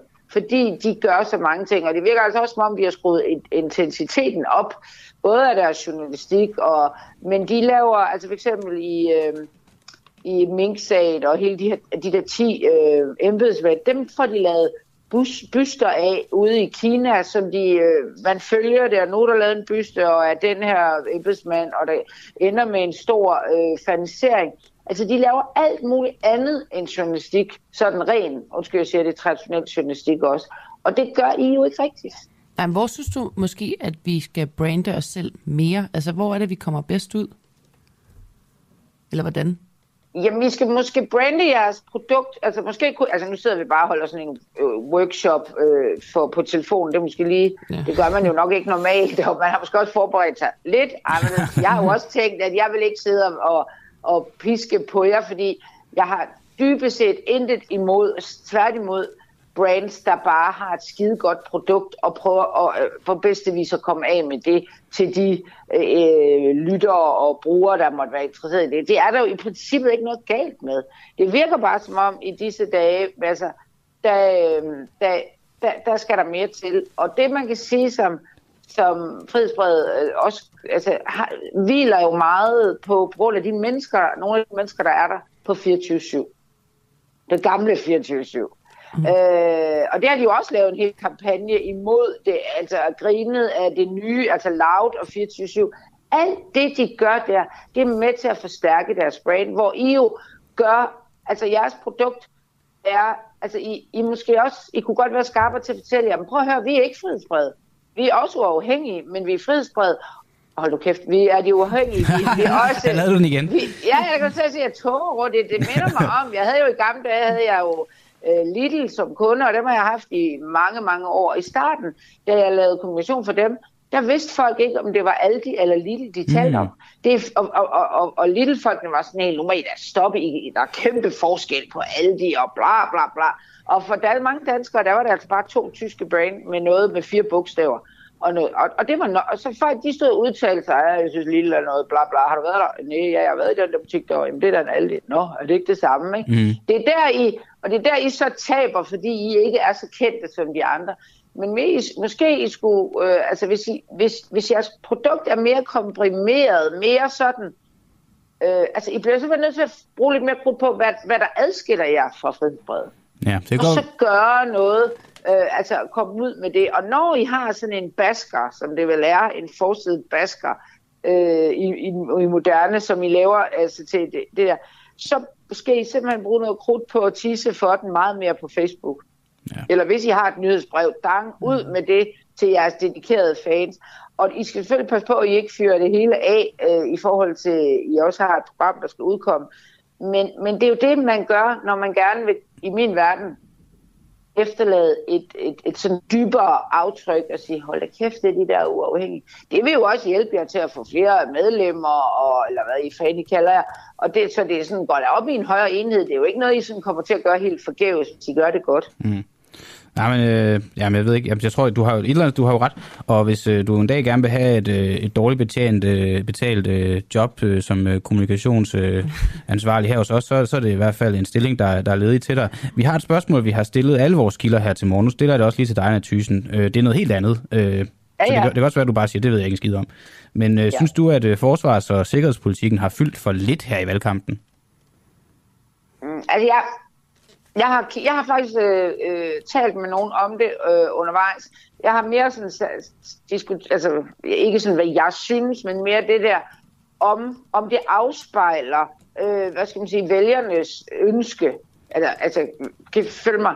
Øh, altså, at det fylder det, det fylder, er det, er det i overensstemmelse med det, vælgerne synes. Og der må jeg nok sige, det tror jeg faktisk, det er. Altså, folk er ekstremt går ekstremt meget op i det, der er nært. Og, øh, og, og Ukraine i, i, i Uran, som er, i, u, i Uran, det går godt for mig, i Ukraine, den, den, den hænger jo sammen med det her forsvarspolitik på en mm. eller anden mm. måde, og, og truslen for Putin.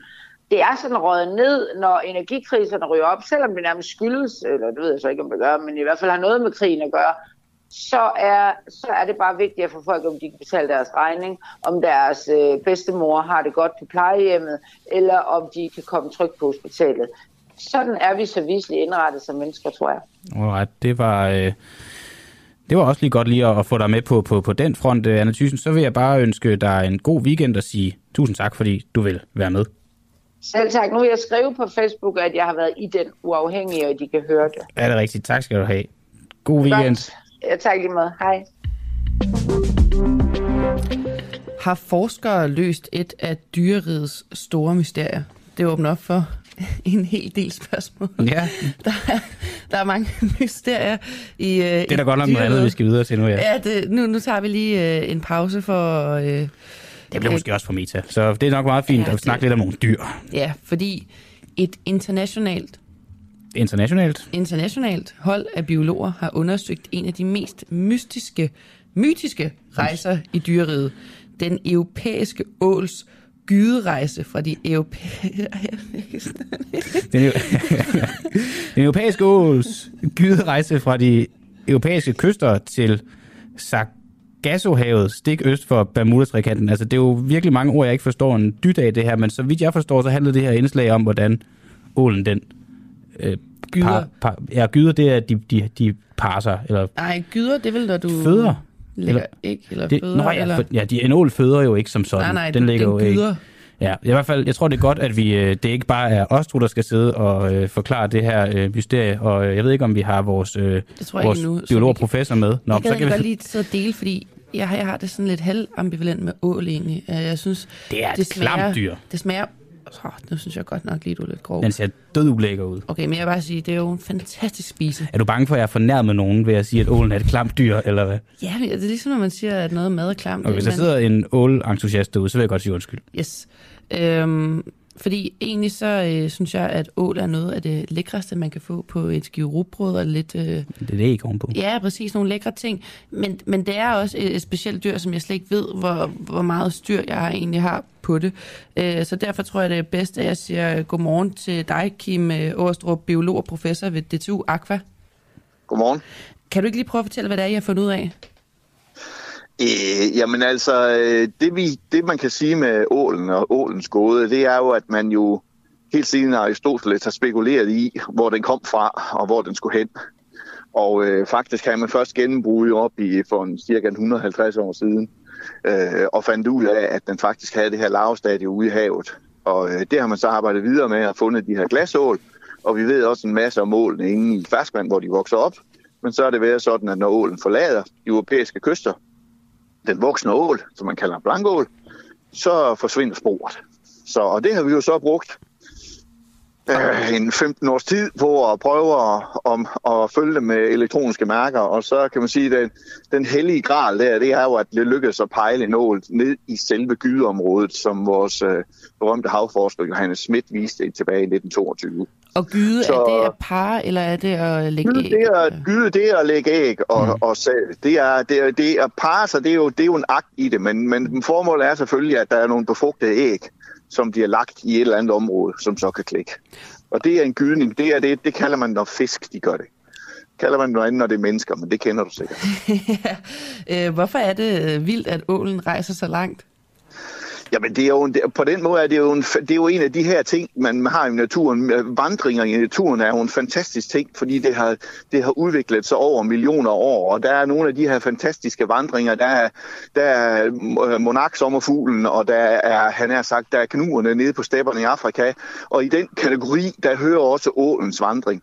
At den øh, klækker ned i Sargassohavet en, en 5-10.000 km væk fra opvækstområden her, som en 4 mm lang larve, og så driver den med havstrømmene op til Europa og vokser op her fra 5 til ja, helt op til 80 år, inden den vandrer tilbage igen som voksen ål. Og så vandrer den de her 5-10.000 km tilbage for at finde mage, og så, øh, og så lægge sin æg. Det er, det er en utrolig præstation simpelthen. Og der har det selvfølgelig været interessant, om man kunne lukke den her livscyklus, om vi kan følge dem på alle stadier. Og det er så det, vi har gjort. Vi må så, vi må så snyde lidt, for vi må hoppe til Azorerne for at mærke nogle ål, for vi har prøvet flere andre steder i Europa, og problemet med det, det er, at ålen de går så langsomt. Meget langsommere end teorien forudsagde, så vi har svært ved at følge dem længe nok med elektroniske mærker. Men nu er det så lykkes, fordi vi hoppede en tur til Azorerne og mærkede nogle af ålene dernede. De- Hvorfor, hvorfor er det, at ålen er så vigtig egentlig? Fordi når man sidder og hører det, så kan man jo godt tænke, det er utrolig meget arbejde og mange år for at følge en ål.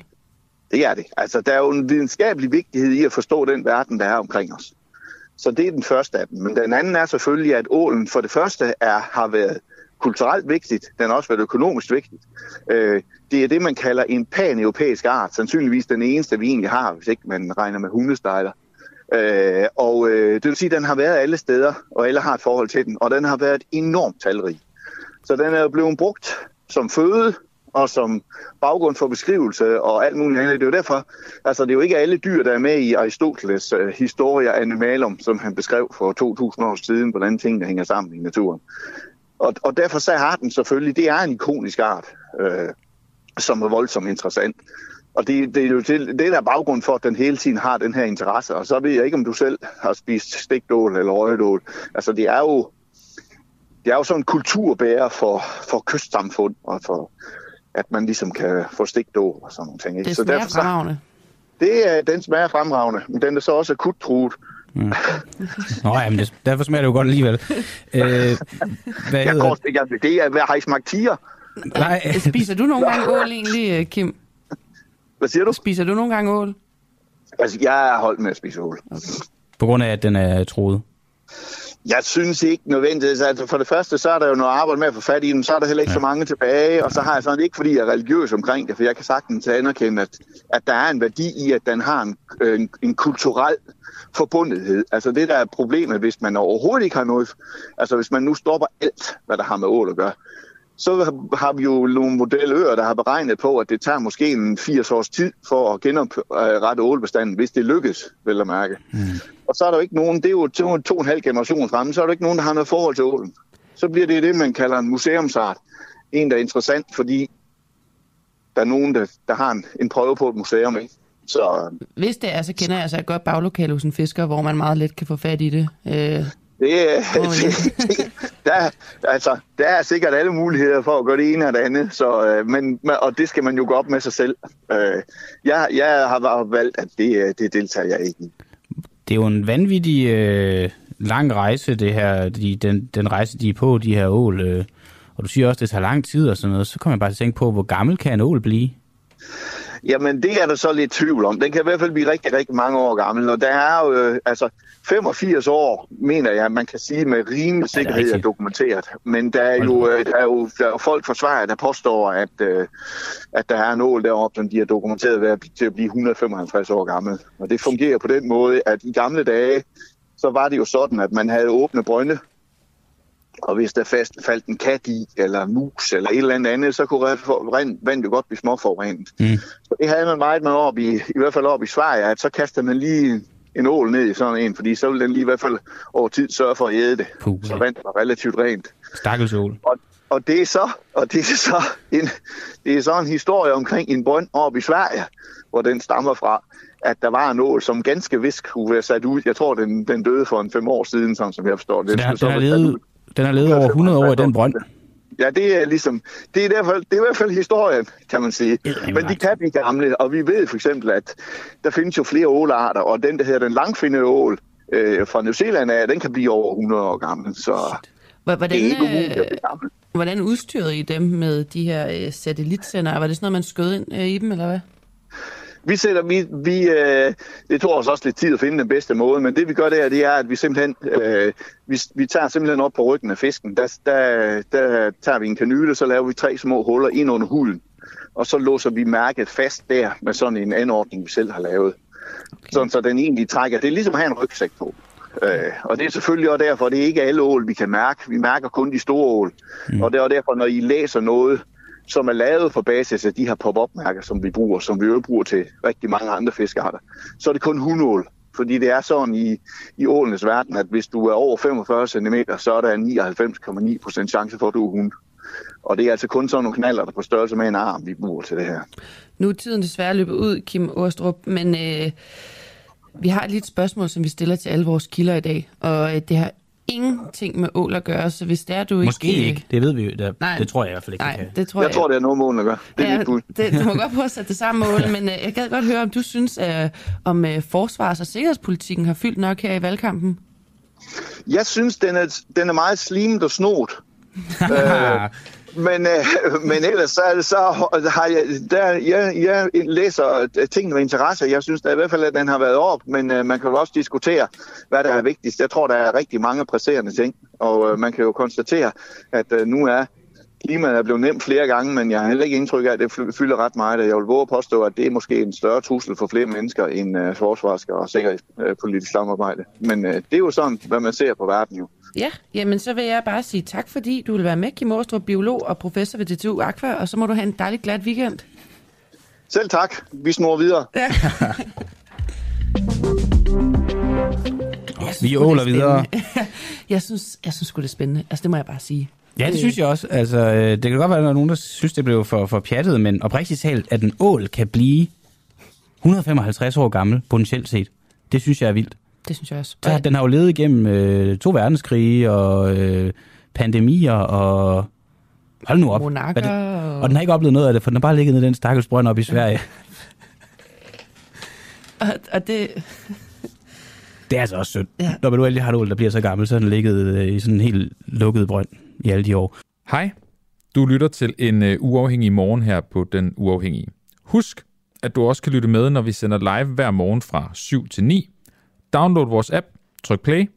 Det er helt gratis. Nå, Nå, men vi, ja, vi kan ikke, vi øh, videre få det igen, til, ja, vi kan ikke få det til at handle mere om ål. nu har vi jo stillet alle vores kilder øh, spørgsmålet om, øh, om, om forsvars- og sikkerhedspolitik har fyldt nok. Og det har jo egentlig været en teaser øh, til den person, vi skal snakke med nu, som jeg jo nok har glædet mig allermest til at tale med det her om. Øh, godmorgen, Obers Møller. Ja, godmorgen. Måske vores største håb, hvis øh, krigen skulle bryde ud herhjemme i Danmark. Ja, så ved jeg, ved jeg i hvert fald godt, hvem jeg øh, gerne vil sidde sammen med, når, ja. når det sker.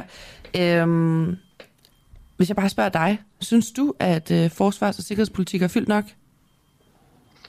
Nej, det synes jeg ikke. Og det er ovenikøbet øh, nu her, jeg hørte lige i går, at øh, det er faktisk noget, der er rykket op på en femte plads over det, som interesserer danskerne. Og alligevel er det lykkedes, øh, og det har de gjort godt, Socialdemokratiet, og ligesom øh, fuldstændig lukke den her debat. Og det er genialt, hvis man ser det fra deres side af. Hvilken plads skulle den have ligget på, hvis det stod til dig? Øh, den skulle have ligget på øh, første, anden, tredje pladsen. Altså, øh, fordi det et eller andet sted hen har vi jo... Øh, altså, Churchill havde jo ret. Han fortalte jo i sin tid, at det tog flere århundreder om at opbygge en her, øh, men det tog kun øh, nogle år om at ødelægge den, og det er jo der, hvor vi er nu øh, i Danmark. Ja, fordi nu har jeg jo siddet og plapret løs her med en sidemand om, øh, hvad vi, øh, vi står i en ret spe- speciel situation lige nu. Vi har øh, krig i Ukraine, vi har droner, der overvåger øh, forskellige infrastrukturpunkter i Danmark, i Norge, rundt om i Europa. Vi snakker om, at vi skal kunne hjælpe Ukraine noget mere. Øhm, vi har ikke nået vores øh, 2% af BNP til NATO endnu. Altså, hvad, øh, hvad gør vi, hvis helvede bryder løs, og øh, at øh, vi får kappet strømmen, elden, øh, og at øh, Rusland kigger mere mod Bornholm? Åh, oh, men altså roligt nu. Der, der er jo håb forud, ikke? Vi kan både mobilisere Tivoli-garden og, øh, og, øh, og frelsens her, så, så, så vi er ikke helt på bare bund, og, og vi kan få dronerne skudt ned ved Dansk Æreforbund og sådan noget. Altså, øh, vi, vi har masser af muligheder, øh, men, men jeg må sgu nok indrømme, at øh, det er sørgeligt, sådan som det har udviklet sig. Det er, det er, virkelig, det er virkelig skidt. Men kan du se... Men på den anden side, det er en helt skuldret fiasko. Den ro skal vi have. Ja, men, men kan du se fra dengang, at du også var oberst, og, og den situation, forsvaret var i, dengang du var der til nu? Altså, hvad, hvad er det, der, der er sket? Jamen, der er jo sket det, man indførte øh, folkeskolen i forsvaret i 2013 ved at lave en ny øh, øh, officersuddannelse. Øh, og øh, og det, øh, det, den, den sluttede, og, og der lavede man nogle strukturer og nogle ting og sager, som øh, man slog en hel masse ting sammen og lavede dem ind under ministeriet, øh, sådan så vi jo ikke længere har en selvstændig forsvarschef, der må sige noget som helst, uden at det er godkendt departementchefen, øh, og så videre, så videre. Vi har lavet det hele om, sådan så det ligesom er blevet øh, beregnet på, at skulle kunne klare management og alt muligt andet, men, men at føre krig, det kan den ikke. Og, og vi kan jo ikke få folk ind, Altså, jeg hørte lige Hummelgaard forklare, at alle de der mange rare penge, man nu smider efter, øh, som en gigantisk øh, omgang valgflæsk, øh, efter sosu og sygeplejersker og fængsbetjente, øh, det var på grund af, at der var rekrutteringsproblemer. Og Mette Abelgaard, hun fortalte jo, spurgte ham som, hvad så med forsvaret? Der, det er dem, der mangler flest øh, stillinger overhovedet. Men det vil han ikke snakke om og øh, han vil tale om den nationale økonomi. Og det er jo ligesom alle de der rare penge, der dukker op en gang ude i horisonten. Øh, og, og her tæller vi jo 2033. det, det, det, hvis vi ikke selv kan høre, det er dumt, så ved jeg sgu ikke. Hold da kæft. man, man tænker jo også, øh, det var også det, som du siger, at øh, man hører ikke meget til forsvarschefen. Også i, i hele den her øh, øh, krig, der har været i Ukraine, så ser man jo tit i andre lande, at det er forsvarschefen, der sidder på tv og fortæller om øh, tilstanden, og der kommer en masse. For eksempel i England har man jo også efterretningstjenesten, der konstant sætter nærmest nyhedsbrev ud om, om hvad de ser. Hvor i Danmark, der har vi ikke en forsvarschef, der sidder i... Øh, øh, hvad hedder det, krigens døgn om aftenen og fortæller om de ting, der sker. Men det, det kan vel ikke kun være Socialdemokratiet. Altså, hvad synes du om de andre partiers forslag i at, at snakke om vores forsvarspolitik? Jo, men prøv at høre. Pape lancerede jo, at de ville, de ville have et, et forsvarspolitisk øh, udspil, øh, og der, prøver man, der kan man så gå ind på det, så gik man jo ind og lede ind på deres hjemmeside, altså øh, hold da kæft, hvor står det, ikke? Og det var der jo ikke. Mm. Øh, altså, jeg tror, at de blå partier gør alt for at tage den her velkamp, fordi de ikke er klar til at overtage ansvaret. Øh, og, øh, og jeg kan da kun sige en ting positivt ved det her. Nu, nu, ved jeg, nu får jeg nok sikkert at vide, at jeg er en beskidt sexist. Men det var sgu da godt, at vi fik udskiftet den øh, Trine Bremsen med, med den nuværende forsvarsminister. Fordi øh, altså, han er sgu da, det er der ren røv og trut i. Altså han, han stuler bare øh, de informationer, der er. Og der, hvor vi tidligere har udsendt den der NATO-rapport øh, om, om forsvarets tilstand, øh, i ufortyndet form, øh, der mener forsvarsministeren nu, at det kan ikke lade sig gøre, fordi det kan de ikke tåle at læse, de sakke små politikere og dem, der nu skal være med til at bestemme noget som helst. Jeg, jeg fatter ikke, at blå side gør alt for at lade Socialdemokratiet vinde det her valg, men de gør det godt. Hvis du stod, hvis vi nu lige øh, legede, at du sad på den anden side af bordet igen, og, og stod som oberst i forsvaret, og øh, at jeg ved ikke, om man kan gøre det sådan, men hvordan skulle vi mobilisere os lige nu? Altså for eksempel med de her øh, kritiske infrastrukturpunkter. Altså, hvordan vil du sidde og rådgive til, at vi øh, kunne være klar til, hvis der skulle ske noget i Danmark? Jo, men øh, det kan vi ikke blive forløbig. Altså, det gode ved det er, når jeg nu hører politikere råbe op om, vi skal have indkaldt flere værnepligtige, så får jeg sådan lyst til at stoppe den ene finger ind i det ene øre på dem og råbe ind det andet, så jeg er sikker på, at det bliver derinde. Kan I huske, at vi har solgt kasernerne? Øh, fordi hvis man ikke vil... Øh, altså, man, det kan godt være, at man vil have flere værnepligtige ind, men når man har solgt alle kasernerne og afviklet dem, så bliver det sgu svært. Eller, ja, man kan jo lægge folk i kantonement, som de gjorde under, under Matador, øh, hvor Obertakkel havde været i kantonement ude ved Grisehander øh, Larsen. Øh, og, og det betyder jo bare, at man indkvarterer soldaterne ude på gårdene og i, i de små byer, og det skal nok give mange stemmer på tirsdag. Altså, mm. øh, og det er jo, hvad vi har. Det er de muligheder, vi har. Vi har ingen muligheder. Nå, men du kan ikke forlange at få soldater eller kommende soldater ind, og de skal fare rundt og sige bang øh, med deres gevær, fordi der ikke er noget ammunition. Vi har lavet en taberorganisation, der mangler alt, undtagen skudsværk. Hvem har lavet det? Hvem, hvem er det, der står med ansvaret for, at det har kørt så dårligt for forsvaret i så mange år? Det er de samlede politikere. Det er jo ikke kun en, en rød idé. Det var, ikke, det var godt nok Socialdemokratiet, der gennemførte den her øh, nedskæring på, på oprindeligt de 15 procent i sin tid. Øh, men det var Lars Løkke, der fik ideen øh, som statsminister. Så, så det er både en rød og en blå idé, øh, og det har de glemt. Alle øh, politikere, der er kommet ind efter 2013, øh, de har glemt, at de har medansvar i det her. Så øh, lad os nu lege, at øh, Morten Bødskov han så ringer til dig og siger, at vi har fået 50 milliarder til forsvarssikkerhed. sikkerhed. Lars, hvad, hvad skal vi gøre? Hvad, hvad er det første, vi skal bruge penge på? Hvad vil du så foreslå ham? Jamen, jeg vil foreslå, at han kommer i gang med at købe nogle støvler, nogle uniformer og noget ammunition. Øh, fordi i det øjeblik, at vi får de unge mennesker ind, så skal de ikke være medlem af en taberorganisation, der mangler alt muligt, og de ikke kan få noget. Nej, de skal være medlem af en organisation, hvor stumperne er der. Og fidusen ved at gøre sådan, det vil så være, at man faktisk kunne starte med noget, man kunne få. Fordi det der med, at de vil ud og købe luftværn og alt muligt andet, så de kan skyde droner ned, det kan de godt glemme, fordi hvis der er noget, der mangler i dag, så er det luftværn. Og det luftværn, der, er, der, der findes, som man kan købe, det skal jo til Ukraine. Øh, så man kunne starte med at, at gå ud og handle ind, sådan, så man kunne få folk ind. Og så skulle man til at gøre, lave en plan om, hvor fanden vil vi have alle de her værnepligtige, som skal være. Øh, så må man til at have genop, øh, genopført nogle kaserner, eller, eller rydde noget, så man kan begynde at indkvartere de unge mennesker under betryggende forhold. Og når det så er sket, så kunne man gå i gang med at udvikle en reserve, øh, ordning, så man kunne igen uddanne reserveser, man kunne genuddanne reservebefalingsmænd, så vi havde noget, der lignede mobiliseringsstyrke. Men, men alt det her, det starter med, at man skal have købt nogle stumper, som hvis man vil mobilisere folk, altså de mennesker, man har inde som værnepligtige.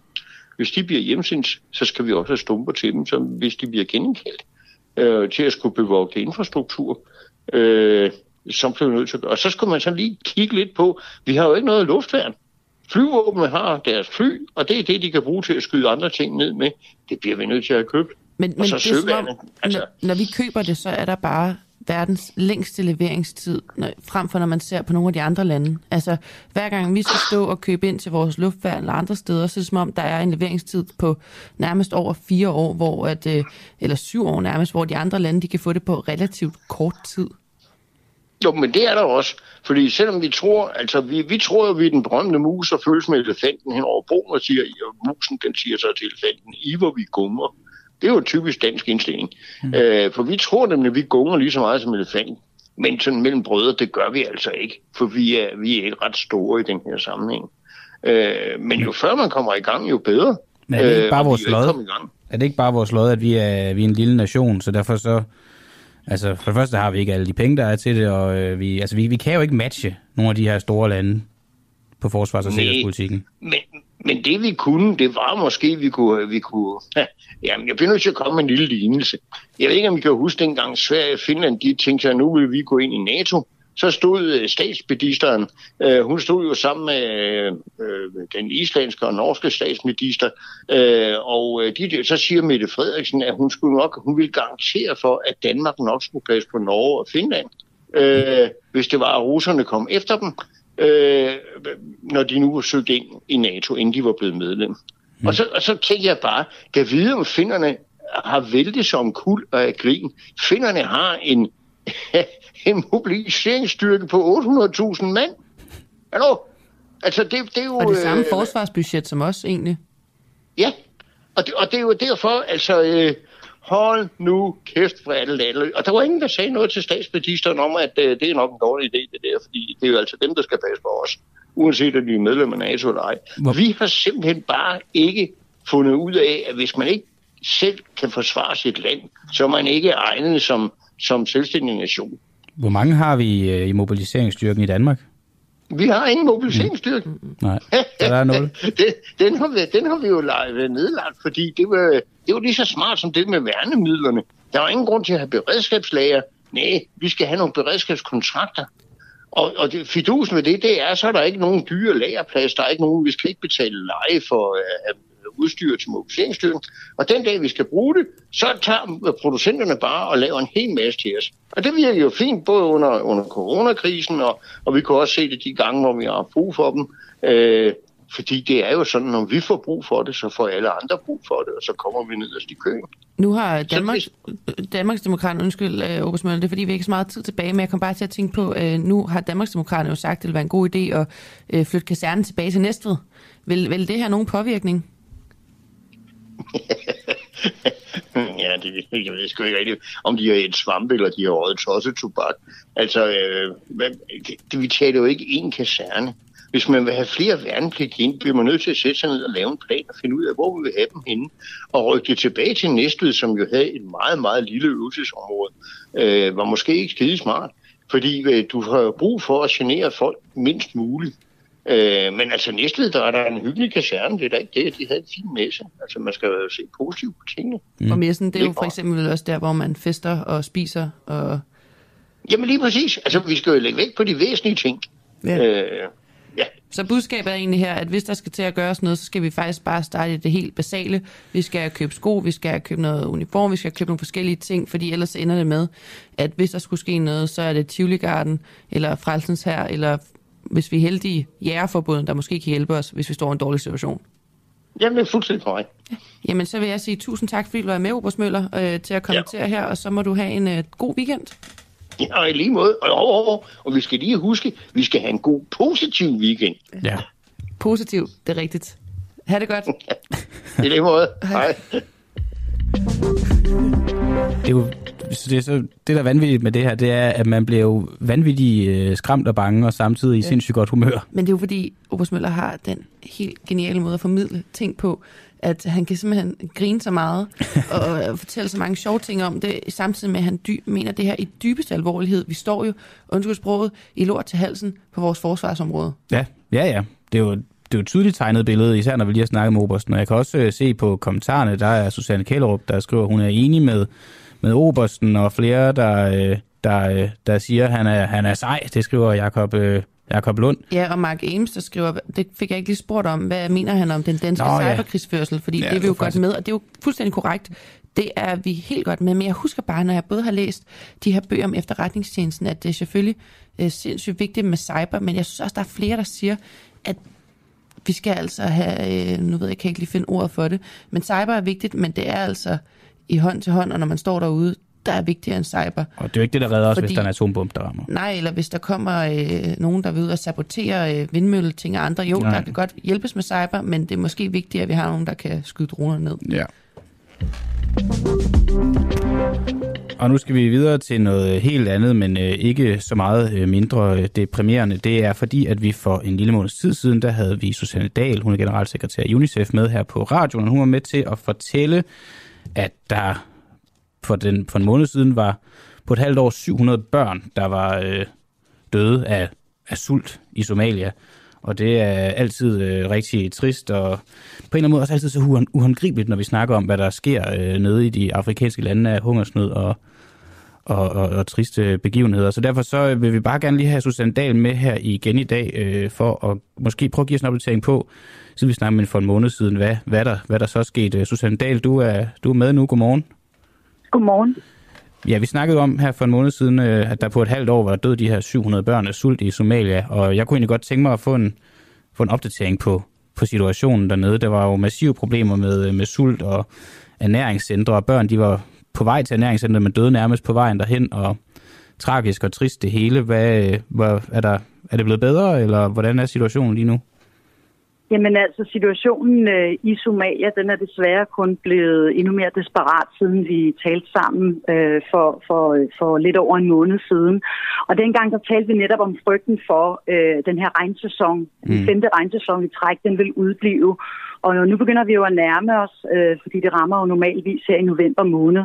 Og desværre så er der ikke noget, der tyder på, at regnen den er på vej i Somalia. Så den frygt, som vi talte om dengang, den er stadigvæk øh, desværre skrækkelig reelt.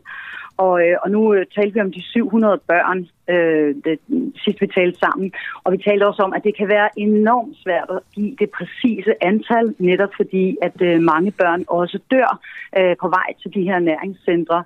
Øh, så derfor var det svært på, på daværende tidspunkt at sige præcis hvor mange. Øh, og, øh, og da vi talte sammen, der, der havde vi det her tal 700, mm. og det var behæftet med, med nogen usikkerhed.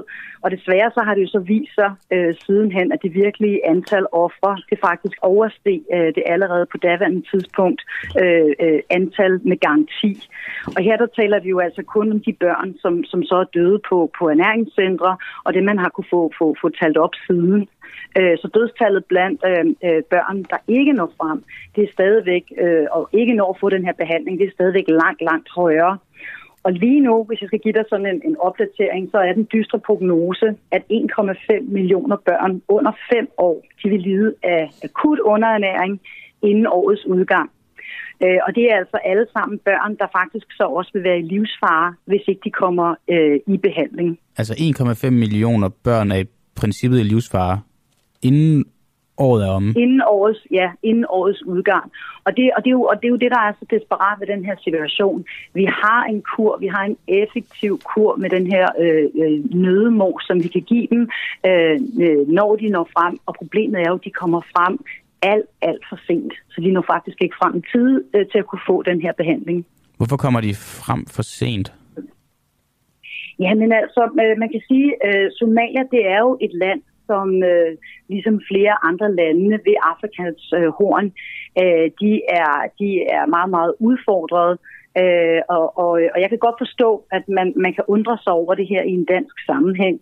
Øh, men det, man skal forestille sig, det er jo, at det er, at det er et land, der også har øh, kæmper med øh, uro, med terrorisme, øh, og så er der så den her transporttid, og man skal simpelthen forestille sig familier, øh, mødre med flere børn, der begiver sig ud på lange, lange vandringer, øh, og langt over 100 km skal de gå i, øh, i et, øh, et meget, meget farligt terræn. Øhm, og, de, og derfor så, så kan de simpelthen ikke nå frem i tide med de her afkræftede børn. Og det er jo, det er jo hjerteskærende at tale om, men vi er også nødt til at tale om, at vi, vi ser møder, der, der jo netop så begraver deres børn øh, i grøfterne langs vejkanten, og det er derfor, vi faktisk ikke kan få dem øh, registreret. Så det dødstal, der er, som vi snakker om, der er på 700 børn, det, det siger du er væsentligt højere. Har du et bud på, hvor meget højere det er lige nu? Nej, altså jeg, det jeg kan sige, det er med garanti, de 700, vi talte om sidst, det er det tal, som vi har med garanti. Og så den, den, øh, den prognose, som vi har på nuværende tidspunkt, den lyder så på, at 1,5 millioner børn under fem år vil komme til at lide af akut underernæring i sådan en grad, at, øh, at de faktisk vil komme i livsfare. Og det vi skal forestille os, det er jo nogle af de her meget, meget dystre billeder, som, øh, som os, der voksede op i 80'erne, kan huske øh, fra Afrikas horn og fra de steder i Afrika, hvor øh, at der også var tørke på det område, eller på det tidspunkt. Og det er simpelthen øh, desværre øh, mange, mange hundrede og, og tusindvis af børn, øh, som er i livsfare lige nu.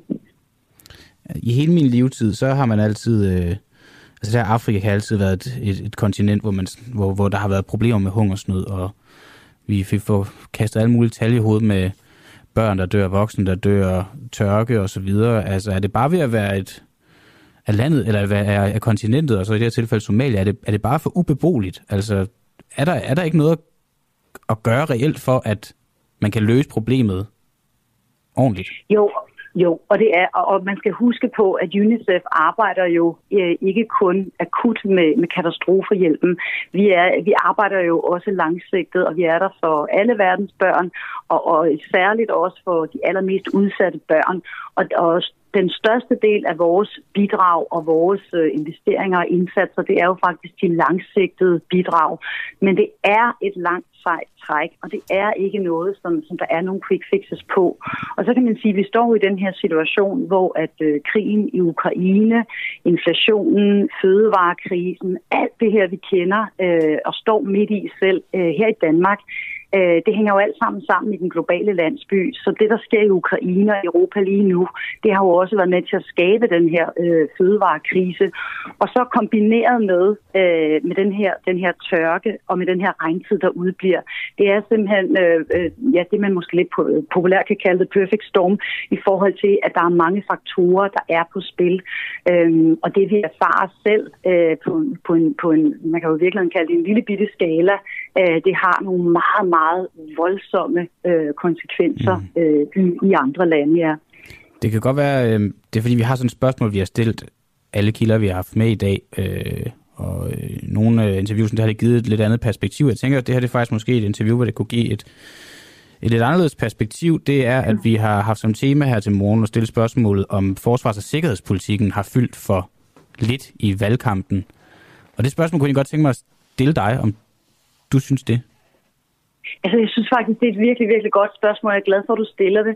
Øhm, jeg gik faktisk her til morgen og tænkte over, at noget af det, der sker, når der er valgkamp, det er jo, at, øh, at hele øh, den, den samtale, der finder sted i det offentlige rum, øh, den, den handler om den meget nære politik. Og der kan man så sige, at der kommer vi i en situation, hvor hele det globale udsyn mod resten af verden på en eller anden måde får lov at flyve noget under radaren i, i den her periode med valgkamp.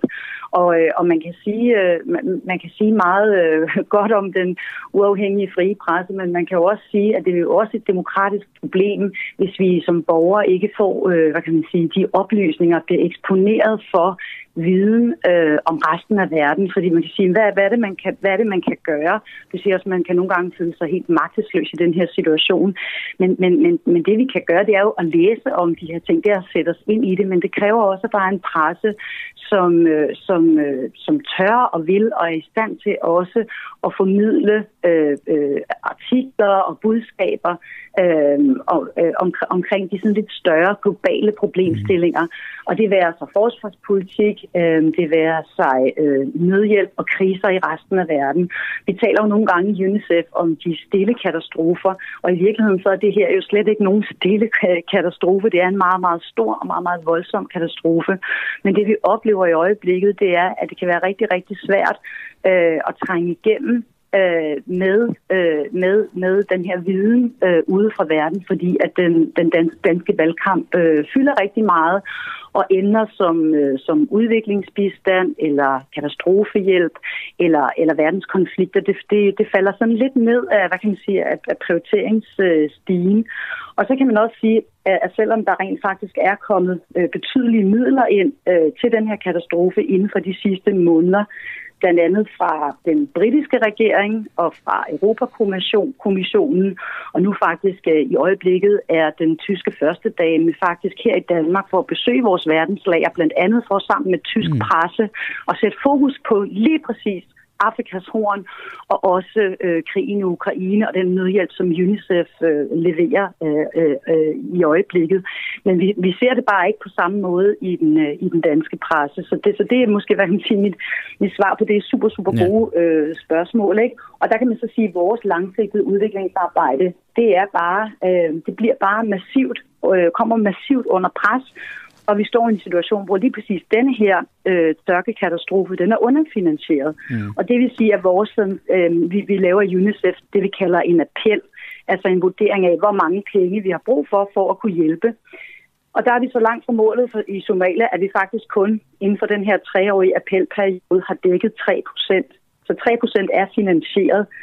Øhm, og det er altså på trods af de her meget store bidrag fra den britiske regering og fra Europakommissionen. Og hvis ikke det bliver ændret, så betyder det, at Somalia vil blive ved med at være enormt sårbar øh, overfor at ende i hungersnød igen. Så vi er nødt til at satse både helt akut her nu, men faktisk også at have midler til den helt langsigtede øh, indsats. Alright. Øhm, Susanne Dahl, øh, generalsekretær i UNICEF. Øh, tiden den er rent ud for os, men øh, du skal have tak for, at du var med her til morgen, og så må du have, øh, trods de lidt øh, triste omstændigheder, interviewet af været under, så må du have en god weekend. Mange tak, og i lige måde. Og så vil jeg bare lige... Det er gået lidt hurtigt her til morgen. Der har været øh, Ja. ja. rigtig, rigtig øh, mange kilder og ting og sager, så jeg vil egentlig lige sige godmorgen til alle dem, der lytter med igen, og tak fordi I lytter med. Klokken er 33 minutter over 8, Ja. og øh, du lytter til en uafhængig morgen med Clara Vind og Christian Henriksen. Og jeg ved godt, det her det er jo bare øh, klichéen over alle klichéer, øh, men øh, når vi nu siger godmorgen nu ovenpå, øh, ovenpå, ovenpå det her, det var lige vores redaktør, der stak hovedet ind og sagde godmorgen. Øh, vanvittigt, om vanvittigt vi upassende.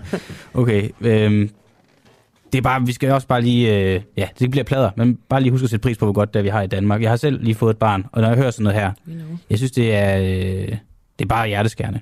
Det er det. Ja. Øhm, og jeg, jeg er egentlig glad for, at vi også stiller spørgsmål til alle, om der, øh, fordi jeg synes, vi får nogle rigtig interessante svar på, på det hele. Det er mange forskellige perspektiver. Altså, manden, der var mere mål. Altså, ja. Det blev spændende at høre om, hvad han synes om forsvars- og sikkerhedspolitik. Selvom at man ikke lige, øh, det havde jeg ikke tænkt, at det interview, det vil, Nej. vil, vil give så meget på, på den front. Nå, vi skal gå videre. Ja, vi går videre nu, fordi øh, markerer indgangen til vinteren en ny fase i krigen i Ukraine. Vinteren er på vej. Winter is coming. Det er tæt på. Vi går ind i november her i næste uge. Og krigen fortsætter i Ukraine. Øhm, vi kunne faktisk godt have mere fokus på krigen i Ukraine, når vi sidder og snakker om det nu, vil jeg sige. Øhm, men nu har den ukrainske regering frarådet ukrainske flygtninge at tage hjem til landet, før vinteren er overstået. Og godmorgen til dig, Jakob Brømer Barfod, Ph.D. i Militær Ledelse i Institut for Ledelse og Organisation ved Forsvarsakademiet. Godmorgen. Hvor koldt skal det være, for, øh, for at vejret begynder at få betydning for en krig? Altså har man set det i, øh, i andre krige? Ja, altså øh, øh, krig i, øh, i vinterperioden, det kan jo både åbne og, og lukke muligheder. Og man kan sige, der hvor man så, at de virkelig åbnede nogle muligheder, det var under vinterkrigen, hvor at øh, Finland og Rusland, de kæmpede øh, mod hinanden, hvor det var til, til findernes fordel, fordi de var godt uddannet og trænet i at kæmpe i vinters krigsførelse. Så Stalin han troede dengang i der 39-40, at i løbet af 12 dage, så kunne han tage store dele af, af, af Finland, og efter 100 dage, så havde han tabt over 250.000 russiske soldater. Øh, og som bekendt, så beholdt Finland deres øh, uafhængighed.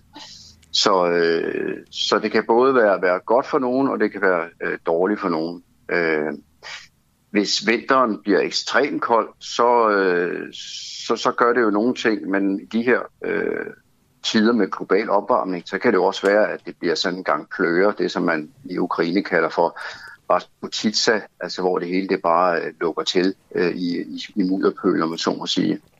Men, Men, men, men, men bliver det nu ekstremt koldt, øh, altså øh, langt under minus, øh, øh, øh, eller langt under nulpunktet, jamen, altså, så kræver det selvfølgelig øh, mere mad til soldaterne. De skal have flere kilojoule, øh, de skal have vinterrationer, øh, det kræver telte, det kræver øh, ovne til at holde varmen, det kræver godt tøj. Det går lidt nemmere i stykker. Militært isenkram, hvis det ikke er vel gennemprøvet, så øh, øh, plastik for eksempel, øh, også hvis det ikke er bedste under kolde forhold. Så det bliver sådan lidt langsommere, lidt mere opslidende, lidt mere tidskrævende. Øh, der kommer en mindre ydeevne, og man skal selvfølgelig også måske gøre lidt mere for at, at højne moralen hos, øh, hos soldaterne, fordi det bare bliver trist og koldt og, og, og vådt. Så det, ned, det, det kan nedsætte manøvre øh, krigsførelse. Omvendt så kan det også åbne den mulighed, måske især for ukrainerne, at øh, når det bliver vinter, uanset om det bliver meget koldt, men når det bliver vinter, så får vi kortere dagslys. Øh, så i stedet for at vi måske har øh, 15 timers dagslys i juli i Ukraine, så er vi måske nede på 8 timers dagslys. Og det gør jo så, at der er meget mere mørke. Det kan være fordel for den øh, militærorganisation, som har meget og som har godt mørkekampmateriel. Øh, og der er noget, der peger på, at ukrainerne de har fået en, en del godt mørkekampmateriel øh, fra, fra vestlige øh, lande. Og det gør jo, at ukrainerne vil have fordel i forhold til at kunne kæmpe mod øh, de russiske terrorister. Lad os bare kalde dem det, fordi de er jo de er udøver vold mod sagesløse. Så de vil have fordel ved at, at kæmpe mod dem i, øh, i, i mørke. Og det er jo super vigtigt i de her faser, at de fastholder initiativet og bliver ved med at, at skubbe russerne bagved, så vi ikke lige pludselig ender i sådan en uh, stillingskrig, som vi oplevede i 1900, i 1914 øh, øh, til, til 18 under 1. verdenskrig. Men russerne er jo også et vinterfolk. Altså, det er jo også mennesker, der har kæmpet øh, og lever i, altså det er jo, bliver jo sindssygt koldt i Rusland, og de har Sibirien, og det er jo et altså, kæmpe, kæmpe land.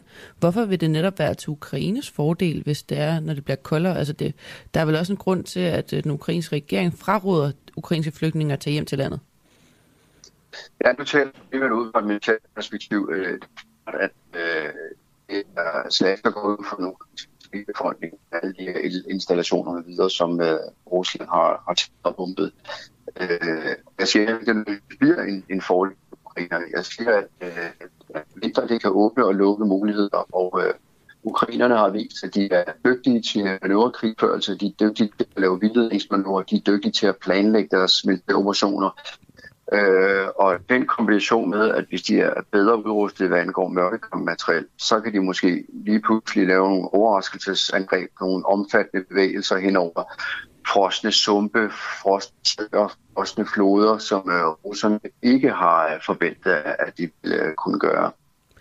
Øh, hvis man forestiller sig, at at Rusland også får øh, øh, gode forsyninger fra, fra vestlige lande i, i form af for eksempel øh, vinterfeltrationer, øh, øh, varmt tøj osv., som russerne indtil videre har vist, at de er rigtig dygtige til ikke at, kunne øh, levere de ting, som de skal bruge på kamppladsen. Øh, så de kører rundt i lastbiler med, med gamle dæk, som øh, punkterer, og de har ikke nok reservedele, og de er, de, de er ikke så gode logistisk kørende, som, som i hvert fald mange ting peger på, at Ukraine gør, eller Ukraine Og det kan jo være en, en fordel, at de simpelthen har soldater, der er, er, er bedre fit for fight, om man så må sige, fordi de er, er klædt bedre på i forhold til øh, det udstyr og udrustning, som, som man nu skal have. Ikke? Det kan også være sådan noget element, øh, elementært, som at få øh, forsynet ukrainerne, hvis de ikke allerede har det, med sådan noget vinter camouflage-tøj, øh, få øh, malet deres køretøjer, så de er, er, er hvide, og specialudstyr som øh, ski og sneskuter, og,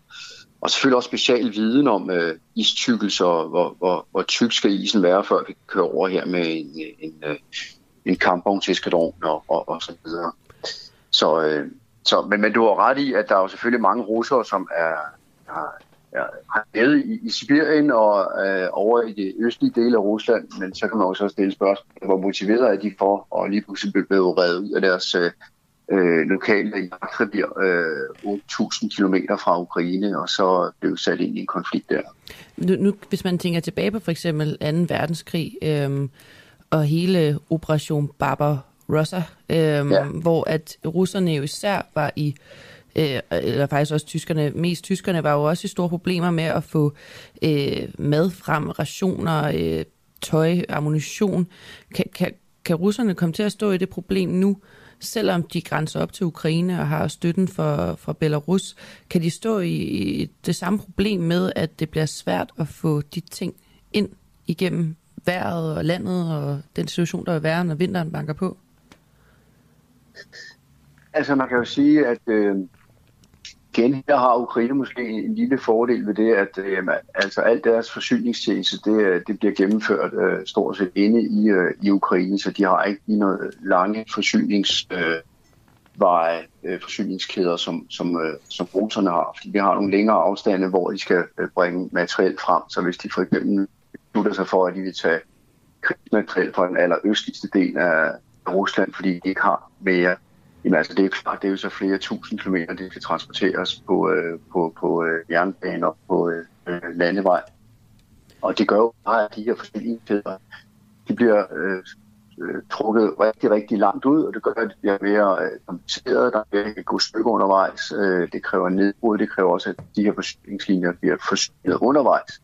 Øh, og selvom Ukraine er et stort land, så har de jo så øh, forhåbentlig deres forsyninger inde i landet, så det er ikke et spørgsmål om måske flere tusind kilometer, der skal rykkes, men øh, mere måske i hundreder af, af kilometer. Mm.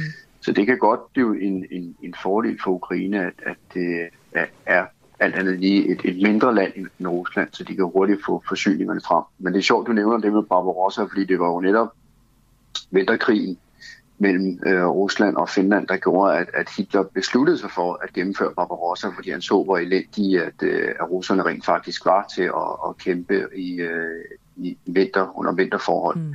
Øh, men han hoppede jo sig selv, eller trådte selv ned øh, i, i det hul, eller ja. ud i det minefelt af hans egne styrker, jo også ville lide øh, øh, problemer med at, at få forsyninger frem, og de netop ikke havde varmt tøj nok, og de ikke havde vinterfeltrationer, og de ikke havde ordentlige støvler, og de ikke kunne holde varmen osv. Præcis, og, og nu, nu har vi stillet øh, alle vores kilder øh, et spørgsmål, der ved nogle gange til interviewsene her til morgen ikke har haft noget at gøre med emnet, men det synes jeg alligevel, der har her. Og, og det er fint nok, Jacob Rømer Barfod, hvis du ikke har en kommentar til det, men vi har egentlig spurgt alle, om de synes, at forsvars- og sikkerhedspolitikken har fyldt for lidt i valgkampen. Og, og det kan man jo sige, det er jo meget relevant nu, når vi sidder og snakker om, at der øh, kommer en øh, ny fase i, i krigen i Ukraine. Øh, hvad tænker du om det? Synes du, den har fyldt for lidt eller for meget? Øh, altså, man kan jo sige generelt set, så interessen for krig, den har i hvert fald været dalende. Øh, om der har været valgkamp, eller om der ikke har været valgkamp, så øh, var interessen øh, størst lige da, da krigen var, var, var på det højeste, og siden der har den været dalende. Øh, Ja, man kunne måske godt have. Der var mange ting. Altså, et af krigen i Ukraine, men der var mange ting, der er vigtige for et samfund at forholde sig til, og øh, nu har man så måske mere prioriteret det mere lære, end det, der ligger lidt længere væk. Så, øh, så det er jo noget, som, som, øh, som politikerne har valgt. Ja. Jamen, så vil jeg sige tusind tak. Jeg kan bare få Ph.D. i Militær Ledelse Institut for Ledelse og Organisation ved Forsvarsakademiet, fordi du har lyst til at være med her til morgen og gøre os lidt klogere. Øh, så du må have en god weekend. Ja, tak skal du have, og lige måde. Tak. Og en lille vigtig servicemeddelelse her, kvart i ni, er også, at man skal huske at brevstemme i dag. Fordi ah, ja. det er den sidste dag, man kan brevstemme, så man skal gå ud og bruge, at vi lever i et dejligt demokratisk land, hvor at man kan være med til at øh, bestemme, hvem der er, der skal sidde. Og det er der, man ja. skal huske at skrive med tydelige bogstaver, øh, fordi man selv skal skrive partiets navn og kandidaten, man stemmer på. Ja, jamen jeg har aldrig brevstemt faktisk. Nej, Jamen, jeg har det faktisk heller ikke, men øh, jeg, har bare, jeg var nemlig ikke klar over, det sådan, det var, at man selv skulle det. Og så tænker jeg bare, det er godt, jeg ikke skal det, fordi min håndskrift, den er der mange, der har svært ved at tyde. Er der sket et eller andet spændende klar, mens vi har siddet her i vores eget lille kaninhul? Ja, vi har jo ikke fået opdateret lige så meget på nyheder, som vi skulle, men jeg synes faktisk, der er en af de ting, der har været spændende her til morges, det er, at Nordkorea affører missiler over det japanske hav. Mm. Og det er jo ikke så langt siden, vi også snakket om, hvor vilde spændinger der er lige nu mellem Syd- og Nordkorea. Altså det er jo på noget af det højeste, øh, som det overhovedet kan være. Og nu har Nordkorea så igen affyret missiler ud over det japanske hav, som altså adskiller den koreanske halvø og Japan. Øh, og militæret giver ikke ud detaljer om, hvilken type missil der er tale om, men de siger, at det er et uspecificeret ballistisk missil, der simpelthen er skudt ud. Okay. Øhm, og hvis jeg så lige inden næste kilde her skal nævne noget, så synes jeg da også, at øh, Moderaterne siden i går aftes har været i vælten. Jeppe Sø? Jeg for. Jamen ikke kun Jeppe Sø, altså øh, det kommer vi lige tilbage mm-hmm. til, men der er jo også hele det med, at øh, Lars Lykke vil han fjerne folkepensionen ja. i fremtiden. Øh, fordi jeg så, at øh, Brian Weikart fra Ekstrabladet fangede ham, og øh, hvor de sagde, at der fire ud af fire eksperter har sagt, at det, der står her på side 32, det er, at du vil fjerne folkepensionen. Ja. Og han siger, at jeg bliver helt træt af at høre om alle de eksperter, og det var rigtig svært at få et svar på det. Øhm, og det, det synes jeg egentlig er en interessant spiller. Og så er der Jeppe Sø, der jo er spidskandidat for Moderaterne, hvor at, øhm, jeg tror faktisk, det er Jyllandsposten. Nej, det må næsten være Berlinske. Nej, Jyllandsposten der har øh, fundet hans blog, hvor han simpelthen skriver utrolig nedladende og sexistisk om kvinder. Det er noget, han har gjort i, for flere år siden, ja. tilbage i 16, eller hvornår var det? Altså han siger jo, at der er en øh, personlig træner, ja, der tager, altså, hun bliver omtalt som en sundhedsprostitueret, og hun er klar på hans krop. Og så er der en medielederlig halvsøster med store patter, og kvinder nærmest uden tøj på, og, og med to det? kilo makeup, der jo, som han anser at kunne fande som sexobjekter. Og det er, hvad, hvornår hvad, vi siger, det er 17 og 16, og sådan han har skrevet det her i. Ja, Ja. Og du ved, han siger også, at Mette Bock, altså øh, den tidligere kulturminister, sidder og vinker til mig med sin DR-dildo, der jeg vågner. Altså, Hvad var det, han sagde om Pernille Vermund? Der var også et eller andet... ja, hun må simpelthen knibe sig i armen, når hun sætter det lange lys på sine forlygter. Ja. Altså, det, det er voldsomt sprog, og det er ikke... Det kan umuligt være godt for nogen, at det kommer ud under en valgkamp. Nej, og især ikke lige nu, hvor det er, at øh, det går øh, i hvert fald i meningsmålingerne bedre og bedre for Moderaterne, og var det 8,6, de stod til, altså og har overhalet Danmarks Demokraterne og tredje største parti. Og, Der er flere, der har sagt, at der ikke er blevet gået nok til lykke. ja. Man, man må også bare give ham... Altså, det er irriterende, men han er jo sindssygt dygtig til at forsvare sig selv hver eneste gang. Ja, ja. Og også det der med, at man så begyndte at angribe ham på, at han modsiger sin øh, tidligere politik, at det anerkender han jo bare, at ja, det, øh, det er rigtigt. Ja, det bliver lidt spændende at holde øje med kommende tid. Og nu kører vi altså helt videre, fordi ja. skal Danmark bruge 2% af BNP på kultur? Kulturpolitik skal skrives ind i finansloven med et ønske om, at området skal udgøre 2% af BNP. Det er meldingen fra Marianne Karlberg, der er kulturordfører og folketingskandidat for Fri Grønne. Og god morgen til dig, Marianne. Godmorgen. Ja, jeg tænker, hvis vi lige sådan helt starter, øh, hvor mange penge er 2% af BNP? Det er øh, stort set det samme som det, som øh, vi skal bruge på vores forsvar, det vil sige et sted mellem 18 og 20 milliarder kroner om året.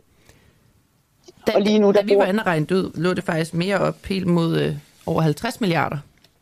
Ah, ej, altså ikke.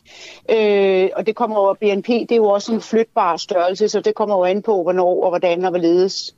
Øh, lige nu, der bruger vi cirka 1,7 milliarder, ikke- ikke 1,7 milliarder, men 1,7 øh, procent af bruttonationalproduktet. Og vi ønsker altså, at det over øh, tid skal stige, så det kommer til at svare til det samme, som vi bruger på øh, vores forsvarsbudget. Okay, men øh, må jeg spørge, hvordan du har regnet det ud? Fordi det kan jeg øh, egentlig ikke øh, helt se, hvordan du har fået det til det. Øh, det, nej, det kan jeg ikke svare på, hvordan jeg har regnet det ud. Altså, jeg har taget udgangspunkt i øh, procentsatsen, og øh, så jeg har ikke været inde og kigge på milliarder. Så det er de sidste 0,3 procent, vi ønsker, det skal løftes. Okay. Har, har I nogle økonomiske eksperter, der har siddet og regnet på det her? Nej, det har vi ikke. Vi er et lille parti, så selvfølgelig har vi ikke det. Men hvordan, øh, hvordan, når I så kommer med sådan nogle her udlæg til finansloven, hvem er det så, der sidder og regner på det? Jamen, altså hør nu her, vi er et lille parti, og øh, vi laver vores politik ud fra det, vi synes, der skal være øh, den vision, vi har for Danmark. Og øh, vi ønsker, at kulturpolitik skal have et helt andet løft og skal have en helt anden vægt i, øh, det politiske, i hele den politiske dagsorden. Okay, så, så det, det er egentlig bare jer i partiet, der sidder og siger, at øh, vi skal bruge 2% på BNP. Det er jo bare relevant i forhold ja. til, om, om det overhovedet går op, hvis man ikke har haft nogen økonomiske eksperter, der har siddet og regnet på, om det egentlig Jamen, giver jeg, mening. jeg, jeg, vil, så- jeg vil modspørge dig, hvem skulle det ellers være, hvis det ikke er partiet, der sidder og udregner? Jamen, måske nogen med en økonomisk baggrund, der har øh, baggrund til. Vi har ikke folk inde i Finansministeriet, der sidder og udregner. Vi ønsker en helt anden måde at Men sammensætte... må jeg lige, må jeg må jeg lige afbryde det bare, fordi der, det er I har jo ikke folk inde i Finansministeriet, der sidder og udregner, men der sidder jo et Finansministeriet og udregner. Nikolaj Vammen, han har udtalt her til Altinget, det har han gjort den 28. februar i år, jeg ved godt, det er lidt tid siden, men alligevel, der siger han, det skønnes på nuværende tidspunkt, at øh, forsvarsudgifter svarende til 2% af BNP, det samme procentsats, som du snakker om, vil udgøre i alt 52,5 milliarder. Jamen, jeg, jeg kan ikke, jeg kan ikke Så den udregning jo, øh, undskyld, jeg siger, den er jo, den er jo helt gal, hvis du siger, var det 17 milliarder, du sagde?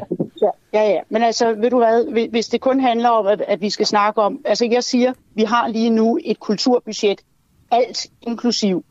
Det er både kultur i øh, den fine afdeling, det er sport, det er alt, der udgør 1,7-1,8 procent af, af øh, vores bruttonationalprodukt, og vi ønsker, det skal stige op til 2 procent. Og det er det, vi ønsker, og jeg har ikke sat nogen tal på. Så kan du så selv øh, øh sætte de tal på, som du gør der. Men du øh, forvrider jo fuldstændig, hvad det er, det handler om. Okay. Hvis vi så lige prøver at rykke lidt videre, øh, hvad er det, øh, altså de ekstra milliarder, hvad, hvordan regner I med, at de skal fordeles? Det må du være lidt mere specifik. Jamen, hvad, hvem, hvem er det, der skal have pengene, og hvem er det, der ikke skal? Jamen, jamen, du må være endnu mere specifik. Hvad mener du? Al- Altså, det er bare, når der skal fordeles, når der skal fordeles alle de her penge, så er der jo, det skal jo noget ud til måske nogle teater, nogle specifikke kulturinstitutioner, der kulturen den rækker jo vidt, at det er sportsforeninger osv. Hvordan, hvordan vil I fordele det? Jamen, det er over en bred kamp. Der er blevet besparet gennem de sidste 15 år inden for kulturområdet Mm. over en meget, meget bred kamp. Og de besparelser, de skal, om man så må sige, rulles tilbage, sådan så vi kommer op på et niveau, hvor vi har en kulturpolitik, der faktisk giver mening, og hvor vi ikke har kulturinstitutioner, som vi ser for eksempel. Hvordan vil I gøre det? Hvordan vil I gøre det? Hvad mener du, hvordan vil vi gøre det? Jamen, pengene skal tilbage. Altså, det, altså, hvem, hvem, hvor- altså, hvem er det, der er blevet besparet hos? Hvem er det, der mangler penge? Jamen, det er alle. Det er orkestre, det er museer, det er, øh, symf- øh, det er symfoniorkestre, det er museer, det er teatre, det er alt. Det er over en meget, meget bred kamp. Det er hele området, der hedder børn og unge. Det er alt, der har med kultur at gøre. Det er blevet besparet. Og der skal, indføre, og der skal tilføres flere midler der. Hva- Hvilke steder skal der ikke, øh, skal ikke have nogen penge? Fordi det, det er jo mange milliarder, vi, vi snakker om. Øh, og du siger jo også, at jeg der er nogle steder, der er blevet, øh, der har været ekstra øh, besparelser på. Hvilke steder i kulturen skal ikke have nogen af de penge? Jamen, jeg har ikke sagt noget om, at der er, kul- at der er steder i kulturen, der ikke skal have nogen penge. Nej, men det er bare, siger, jeg at spørger, om der er nogle steder, der ikke skal have nogen penge. Nej, det har jeg ikke tænkt. Okay. Men ja, altså det er bare nu, du bliver, det, det, jeg kunne mærke, du blev lidt irriteret over, at vi spørger ind til øh, sådan konkret, hvordan pengene skal fordeles, og også hvor mange penge det er. Du vil gerne snakke politik, det synes jeg vel egentlig også er en væsentlig del af politikken, det er, at hvor pengene skal hen. Du siger du bare Absolut. kulturen. Men så, jamen, så må du spørge mere specifikt. Fordi jeg kan ikke bare... Kulturen, det, du kan jo se, vi har også en semantisk øh, udfordring her. Hvad er det, vi taler om? Kulturpolitik, det er enormt bredt. Og kulturpolitik har været udsat for meget, meget øh, massive besparelser over de sidste, i hvert fald 10 år. Hvor mange penge skal gå til teater i Danmark? Jamen, jeg vil ikke sige, hvor meget... Hvor, hvis, jeg ønsker, at der skal være en forhøjelse af vores kulturbudget. Okay, hvor meget mangler de så? Hør her, spørgsmålet det er urimeligt at stille. Hvor mange penge Hvorfor? øh, mangler de? Jamen, de mangler penge. De mangler penge, så de kan gennemføre de forestillinger, de, de gerne vil. Hvor meget mangler de? Penge. Jamen, jeg, kan- jeg kan ikke svare dig sådan. Hvor skal pengene komme fra, Marianne? Hvordan vil I få øh, de ekstra milliarder? Men det kan jeg sagtens svare dig på. Okay. Vi ønsker, ja, vi ønsker at, at, at genindføre formueskat. Vi ønsker at øh, indføre et øh, proveny ved, øh, øh, hvad hedder det, øh, det overskud, man har, når man sælger sin øh, bolig. Og, øh, og så ønsker vi selvfølgelig, at øh, store multinationale øh, selskaber, de skal beskattes på en helt anden måde. Så det er der, vi vil have pengene fra.